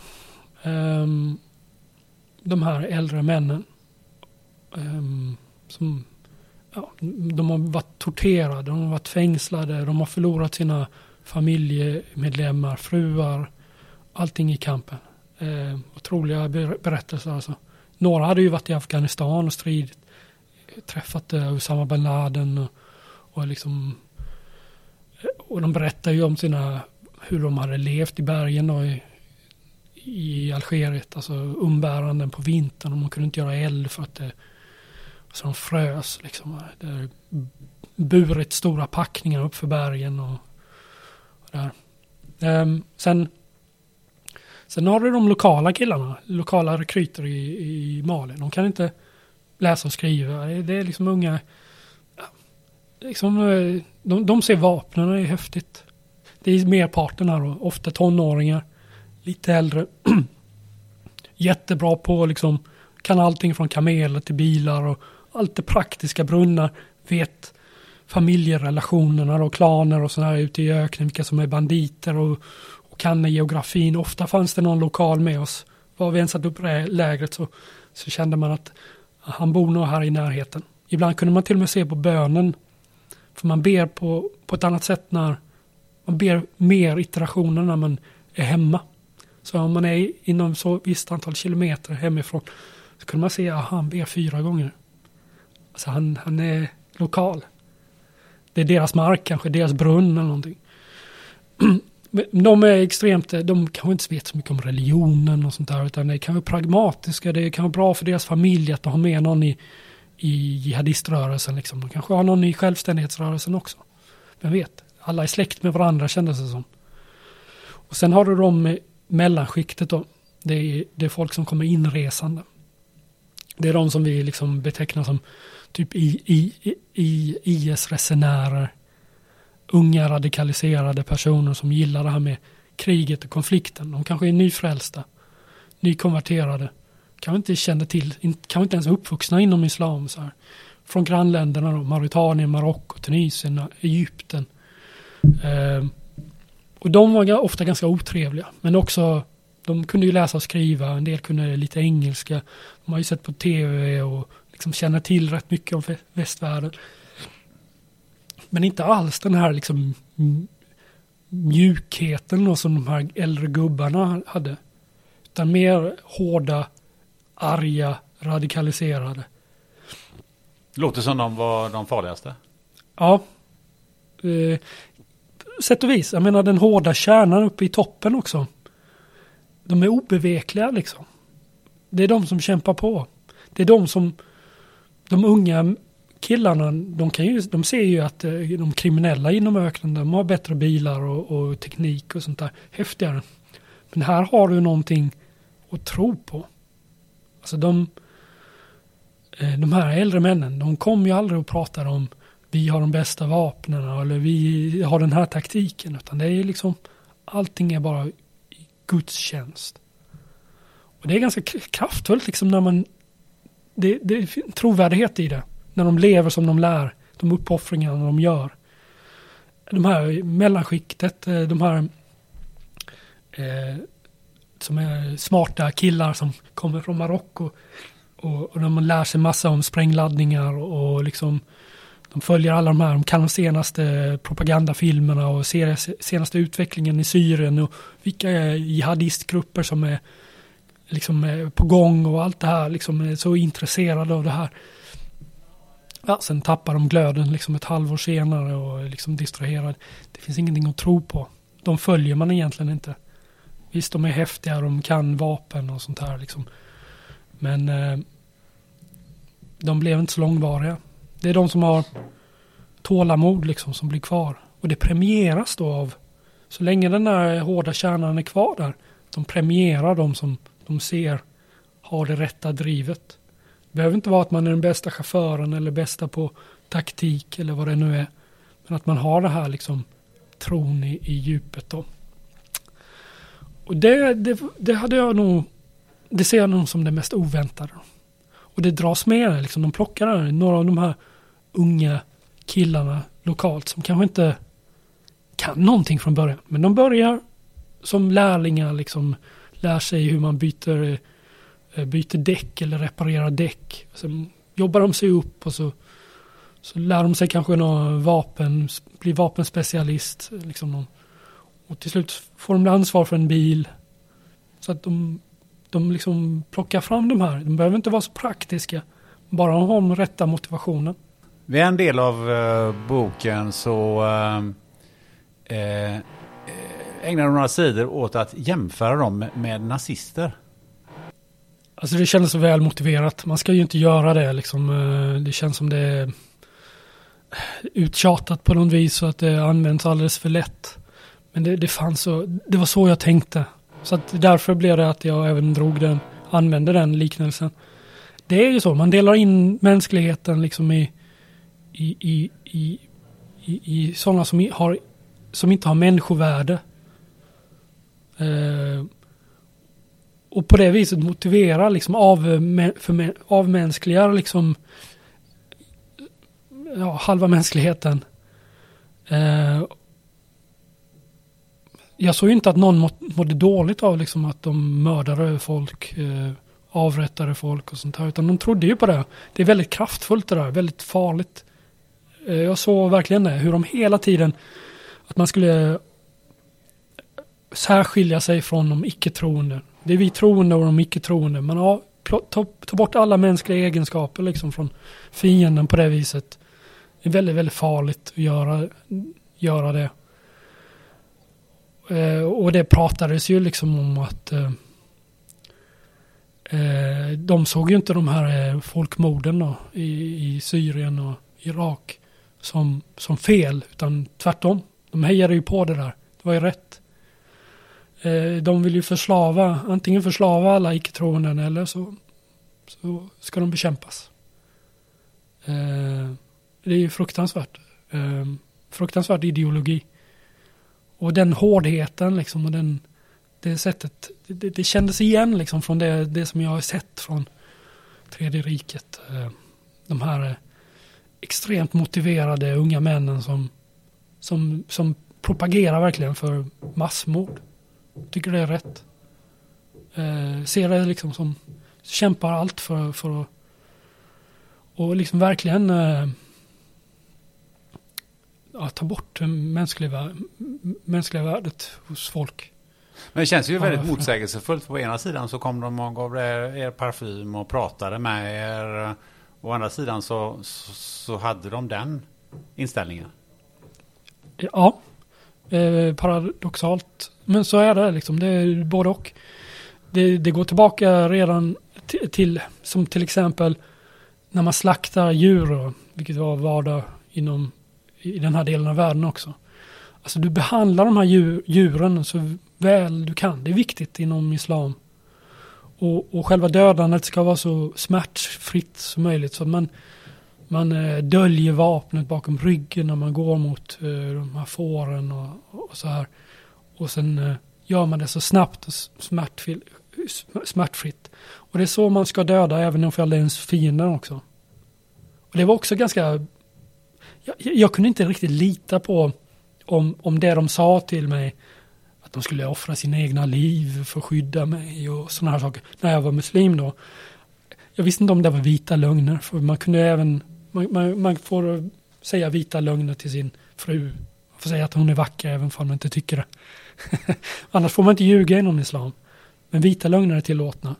Och du får ljuga för, eh, alltså i, i kampen, hur som helst. Ehm, Så man kan dricka alkohol och man kanske Ta bort skägget och sånt där. Om det gynnar kampen. Och jag visste inte om det var vit lögn, liksom det här med, men okej, vi, vi får inte döda dig nu eftersom du är muslim. Ah, det kanske fanns någon paragraf som jag inte kände till. Jag Kände mig aldrig riktigt säker där. Um, och, och just det här då, liksom att deras plikt är att behandla en så väl som möjligt. Men sen kanske det kommer en dag med kniven bakom ryggen. Eh, och, och så var det liksom. Det är inte, det är inte dödandet i sig eller så här, utan det, man gör det för, det, man- de kämpar inte ens för landet. De kämpar inte för fri, eh, alltså för, för, eh, för sina rättigheter eller någonting, utan det är, det är för religionens skull. Det är bara, landet är egentligen bara skit. Det är bara temporärt i den här världen. Det är efterföljande värld som de är ute efter. Och då, i min värld så, så är det ju liksom ingenting att kämpa för. Eh, ingenting att heja på, ingenting att, att sympatisera alls med. Hade det varit en självständighetskamp och de hade verkligen slått, slagits mot de orättvisorna som ändå finns i den här delen av världen. Det, det hade man kunnat sympatisera med som tuaregernas självständighet eller Västsahara och så här. Men inte deras kamp. Eh, det, det, det är avskyvärt och det är exakt samma mekanism som jag såg liksom där man upphöjer sig själv då. I, i nazisternas värld var det, är det ju rasen då, men här handlar det ju om någonting att vad man tror på. Du, eh, efter allt det här så plötsligt så blir du frigiven. Mm. Hur gick det där till? Ja, alltså det var ju så oväntat. Och det är också någonting som jag hade verkligen försökt förtränga. För det gjorde så ont liksom att få hopp. Att eh, få, få förhoppningar att man skulle släppas. Att det satt djupt, långt in i det sista. Och det var väldigt, väldigt oväntat. Jag var ju ändå den som var flyktbenägen. Och, eh, jag tror inte att det var att de skulle släppa mig så även ifall de här killarna då som kom och hämtade upp mig från lägret och, och hintade liksom nu är någonting på gång, förstår du vad som kommer ske? Så, så trodde jag inte på det. Det hade skett innan liknande saker. Så att det enda, enda, vi gjorde en lång resa då och jag lämnades över ut från olika grupper och, och eh, till slut så blev det liksom en överlämning. Vi såg massa bilar. Och eh, jag steg ur och där jag förstod ju liksom att det är någonting. Det var väldigt otrevligt också. Det kunde ju, vad som helst skulle kunna ske. Plötsligt så öppnar någon eld liksom eller vi blir attackerade eller något där. Men där har jag liksom bara första ordet liksom på svenska. Det är liksom, det sticker ut så mycket i efter alla de här åren och och, och liksom där i, i, i den platsen liksom. Så att det var, det var liksom som att var som en nyckel liksom som passade. Det var Vad var det för plats? eh, ja det, det i öknen. Jag ska inte säga exakt plats. Det är inte så intressant heller egentligen. Men, Men var det svensk? eh, det var en svenska poliser som var där. Med andra. Så de ropade ju liksom. De såg ju mig skäggig och Dan komma ur här. Jag hade faktiskt en kritvit kläder på mig. För att det var ramadan, alltså slutet på ramadan det året då. Den sjätte ramadan som jag firade då. Eh, j- Jättejobbigt att fira ramadan. Alltså man dricker inte på, på dagtid. Så att jag hade fått, fått den här eh, kläderna då för att fira. Men det blev också min fri. Alltså så, det blev också min eh, den dagen jag blev frigiven. då. Så att med de här vita kläderna stiger jag ur den här bilen och, och där hör jag liksom de ropar mitt namn. Och då förstår jag liksom det, det. Vad kände du då? Jag var fullt uppe i att inte släppa min roll. Inte tappa liksom, inte riskera någonting. Inte fira. Så jag säger till de här poliserna. Jag, alltså det var, jag, det, det var ändå, bara att höra det liksom på svenska var ju så stort så jag blir ju ändå så liksom, jag har försökt tygla mig liksom. Det, det är ju det jag har gjort under några åren. Tygla mig, inte ta några chanser. Inte riskera någonting. Det kan vara ett test fortfarande, vem vet? Allting sker så snabbt här plötsligt. Jag säger till de här på svenska, liksom, nej, inget, inget kramande här. De vill krama om mig, de gråter, de här poliserna. De har ju jobbat med mitt fall i flera år. Jag har ingen aning om vilka de är, men de vet exakt vem jag är.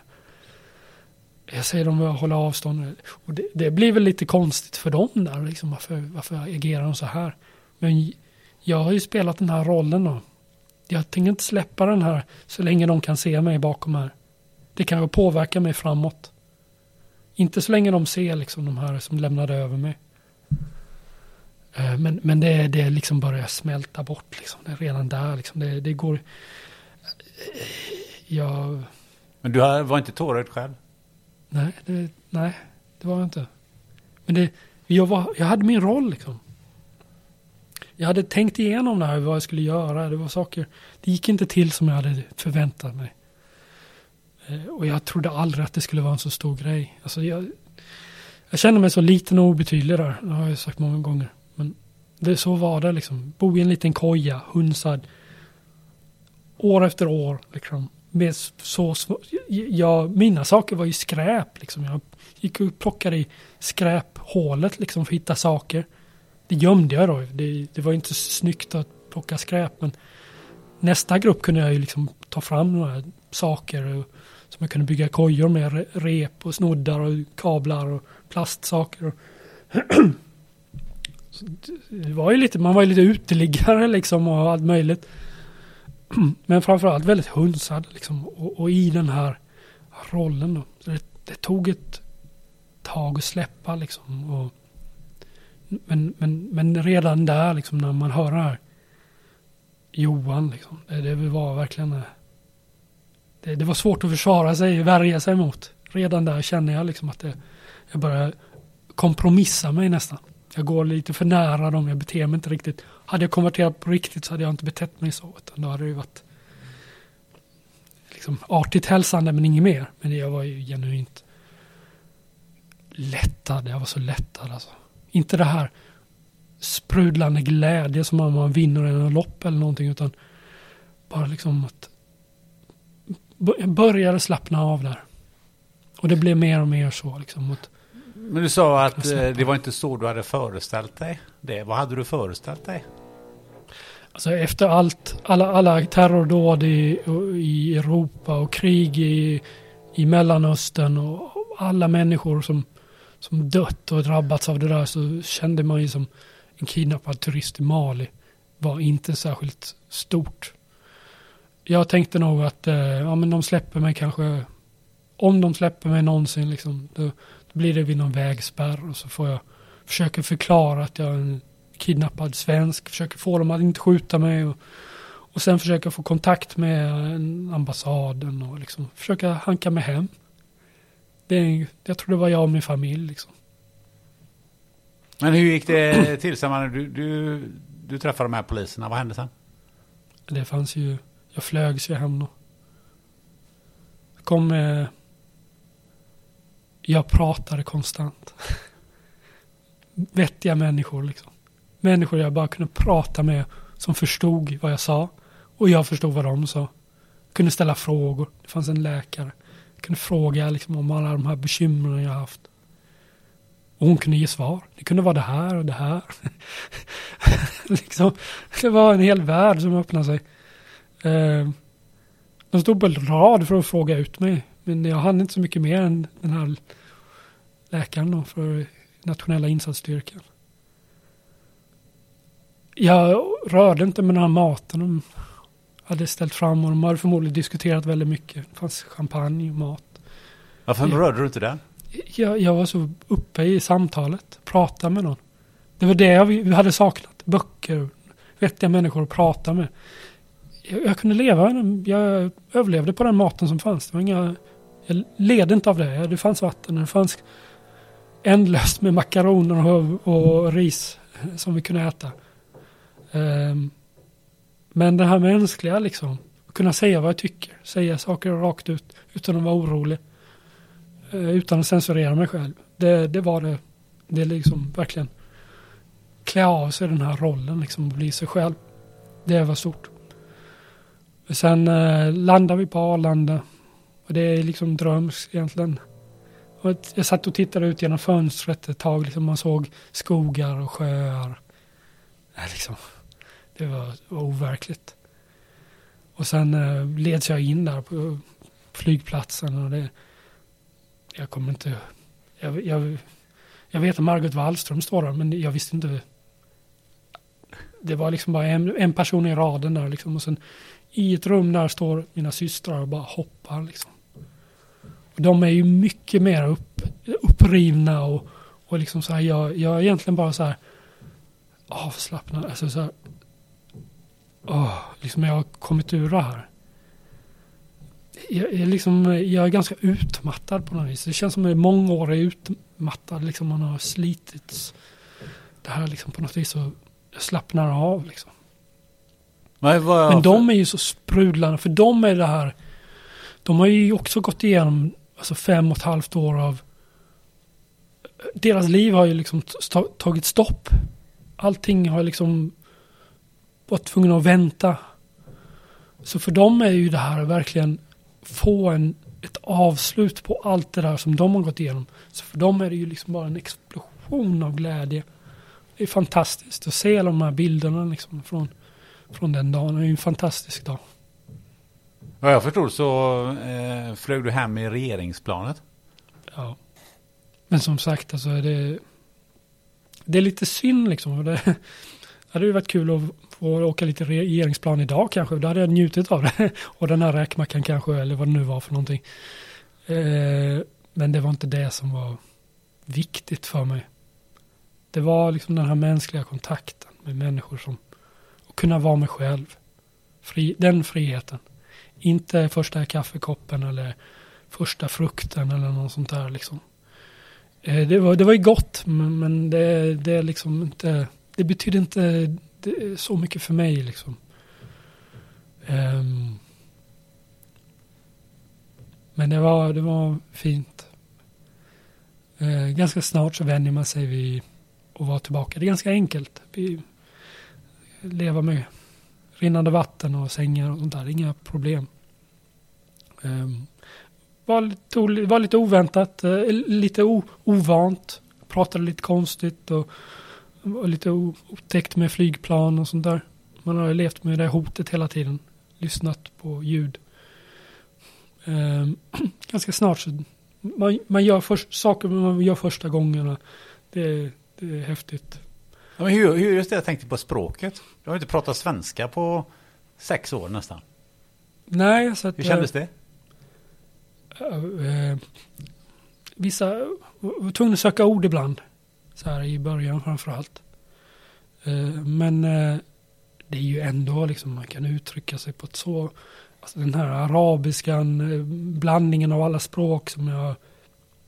Som pratades i öknen. Det, alltså det är väldigt basic alltså. Eh, mycket använda gester och bara liksom förklara. Inga avancerade resonemang egentligen. Kanske lite mer inom det religiösa men inte annars. Plötsligt så kan, kan du prata. Du kan ha ett utbyte liksom. Plötsligt så, så har du ju egentligen, eh, det blir liksom en, ja, som en information overload liksom. Plötsligt har du allt. Det är nästan frustrerande liksom, för jag kämpade för varenda ord. Nu får jag liksom en arabisk ordbok i, i händerna liksom. Jag trodde att jag skulle leva, liksom, gå, liksom, för jag hade så många hundratals timmar som jag har ägnat att försöka lära mig det här språket. Plötsligt har jag facit här liksom. Rätta svar, jag vet det är precis rätt saker. För jag levde ju liksom i någon slags dimma där, där ingen egentligen hade några riktiga svar. De här, det är ingen som har gått i skolan där och så. Men, men det var inte det som intresserade mig faktiskt. Det var också ranna av mig. Jag har egentligen inte satt mig in så mycket mer i, i islam och arabiska och sådär. Jag hoppas det kommer någon dag men det är så mycket annat i livet och, att göra. Och jag har ju redan ägnat liksom så mycket tid åt det faktiskt. Men eh, jag, jag skulle, jag vill inte, jag hoppas att någon gång liksom, jag har ingenting emot att, att resa till Mellanöstern och, och där jag skulle kunna till exempel plugga arabiska så här. Men just nu är det inte särskilt populärt hemma. Att jag skulle bege mig dit igen. Nej, det kan man ju förstå. Eh, någonting jag funderar på är just det här att du har ju varit med om alla de här upplevelserna som du pratar om här och nu och, och, och i din bok. Men du har ju liksom ingen att dela dem med för det är ju ingen annan som har varit med mer än dina eh, då för detta medfångar. Eh, hur känns det när du sitter och berättar eh, då när du kommit hem för dina eh, vänner och släktingar och sådär? Förstår de? Nej, det, det går nog inte. Men eh, jag vill inte... Det är inte så att vi pratar om sådana saker heller. Eh, Men de måste väl ändå frågat dig vad du varit med om de här jo, sex åren? Jo, lite är det så. Det blir lite lättare att ta till sig det genom de här dokumentärerna och sånt där. Det är lite så vi har kommunicerat faktiskt. Då kan de göra det på sin tid liksom. De har också varit väldigt glada att kunna gå vidare. Och släppa det här och, och satsa på sina familjer och, och, vad de nu vill göra i sina liv. Um, så, så på så vis, det har varit väldigt värdefullt. Eh, den här radiodokumentären och tv-dokumentären. Där även de pratade, även till och med innan jag var fri. Och få lyssna på dem, hur de kände det då. Det har varit väldigt värdefullt för mig. Och de kan ju också lyssna på mig genom de här. När de vill, när de känner för det. Det är klart att jag finns där för frågor och sånt men det, det är inte det vi gör utan vi, vi, vi ägnar oss liksom här och nu. Eh, men, men boken också så här, jag ser ju det, dokumentärerna, jag ser ju boken som en pusselbit. Jag rekommenderar ju gärna att man lyssnar på radiodokumentären, tv-dokumentären när den är uppe. Anledningen att boken blev till var ju liksom att det, det kändes som den biten saknades. Eh, tiden i öknen då. Det är ju egentligen, det är ju väldigt alltså, det ju, handlar bara om vad jag tyckte och tänkte i öknen. Det är ingenting runt omkring, det är ingenting med min familj och allt det här. Utan den, de bitarna kommer lite mer i dokumentärerna. Eh, men efter ett antal intervjuer och de här dokumentärerna då så kände jag att det saknades någonting som inte hade berättats och, och därav boken. Um, och jag är väldigt nöjd med att det blev så. Uh, min kamp liksom. Och bara tiden i öknen. Jag tycker vi stannar eh, där. För eh, nu har vi suttit här och pratat i eh, snart två timmar. hur, hur har det känts? Ja, det blir gärna så. Man lever sig in i det och pratar om det. Det är ju det är många år. Alltså det var väldigt intensivt också. Och det hände väldigt mycket saker. Liksom. Det, var, det var ett helt annat liv, en helt annan plats och det ibland kändes det som en, ett annat århundrade också. Medeltiden snarare. Eh, på något vis är det ett privilegium att liksom ha överlevt det och tagit sig ur det hel. Eh, och jag har ingenting emot att dela med mig av det. Jag känner också att jag inte måste prata om det. Eh, vilket också är ganska skönt.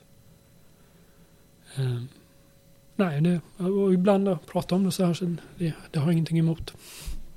Nej, det märktes ju eh, om inte annat. Så att det känns som att, eh, tycker jag tycker, och jag tror att lyssnarna också tycker att eh, du har delgett väldigt mycket utav dina upplevelser där. Och jag kan ju verkligen rekommendera alla att läsa bok och hänga med på dokumentärer och så vidare. Det finns en hel del om ni söker på nätet. Du, um, Slutligen, om man vill eh, ta reda på mer eller följa dig någonstans eller eh, få, få till och med kontakta dig. Finns det någon, hur, hur gör man då? Ja, det, jag finns på sociala medier. Alltså Facebook och Instagram. Eh, jag har ett väldigt vanligt namn men lägg till Mali där så hittar man mig. ja, man var, och du gör en del föreläsningar eh, också? Ja, det händer. händer. Det händer. Eh, Johan Gustafsson, ett stort, stort tack att du vill vara med i den här podden. Ja, eh, tack själv. En fråga som blir hängande i luften. Betalades det en lösensumma för Johan? Och i så fall av vem? Svaret på det vet inte Johan vi lär nog aldrig få reda på sanningen. Det vi vet dock är att Margot Wallström besökte Mali några månader före frigivandet. Att Sida höjde anslagen till Mali och att Johan åkte regeringsplan hem till Sverige. Som ni kanske märkte så påannonserade jag en annan gäst i outrot förra avsnittet. Men det går inte alltid som man vill när allvarliga sjukdomar kommer emellan. Men lugn, du ska få träffa Kristin Jansson senare i vår. Vem som kommer i nästa avsnitt undrar du? Vi får se. Det kan bli allt från raketbyggare till en artist.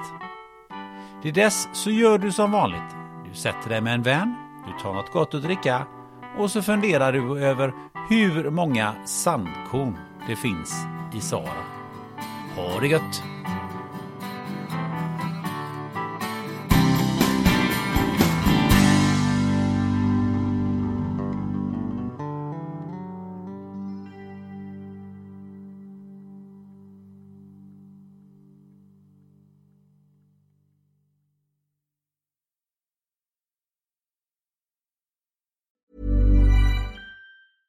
Ever catch yourself eating the same flavorless dinner three days in a row?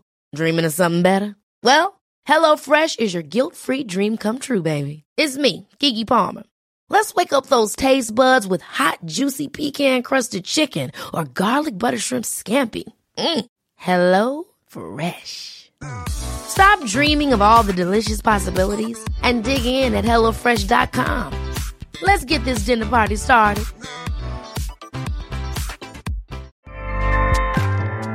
ACAST powers the world's best podcasts. Here's a show that we recommend. The Real Housewives is a guilty pleasure for most, but if you're looking to not feel guilty about that pleasure, tune in to Everything Iconic with me, Danny Pellegrino, where I break down all the messy moments and behind the scenes antics of Bravo's popular franchise. And on Everything Iconic, I also interview celebrity guests like Kelly Ripa, Kiki Palmer, Drew Barrymore, Cameron Diaz, and more about their guilty pleasures, their past work, and so much more. So if you're pop culture obsessed and find yourself watching way too much reality TV like me, tune in to Everything Iconic with Danny Pellegrino wherever you listen to podcasts. ACAST helps creators launch, grow, and monetize their podcasts everywhere. ACAST.com.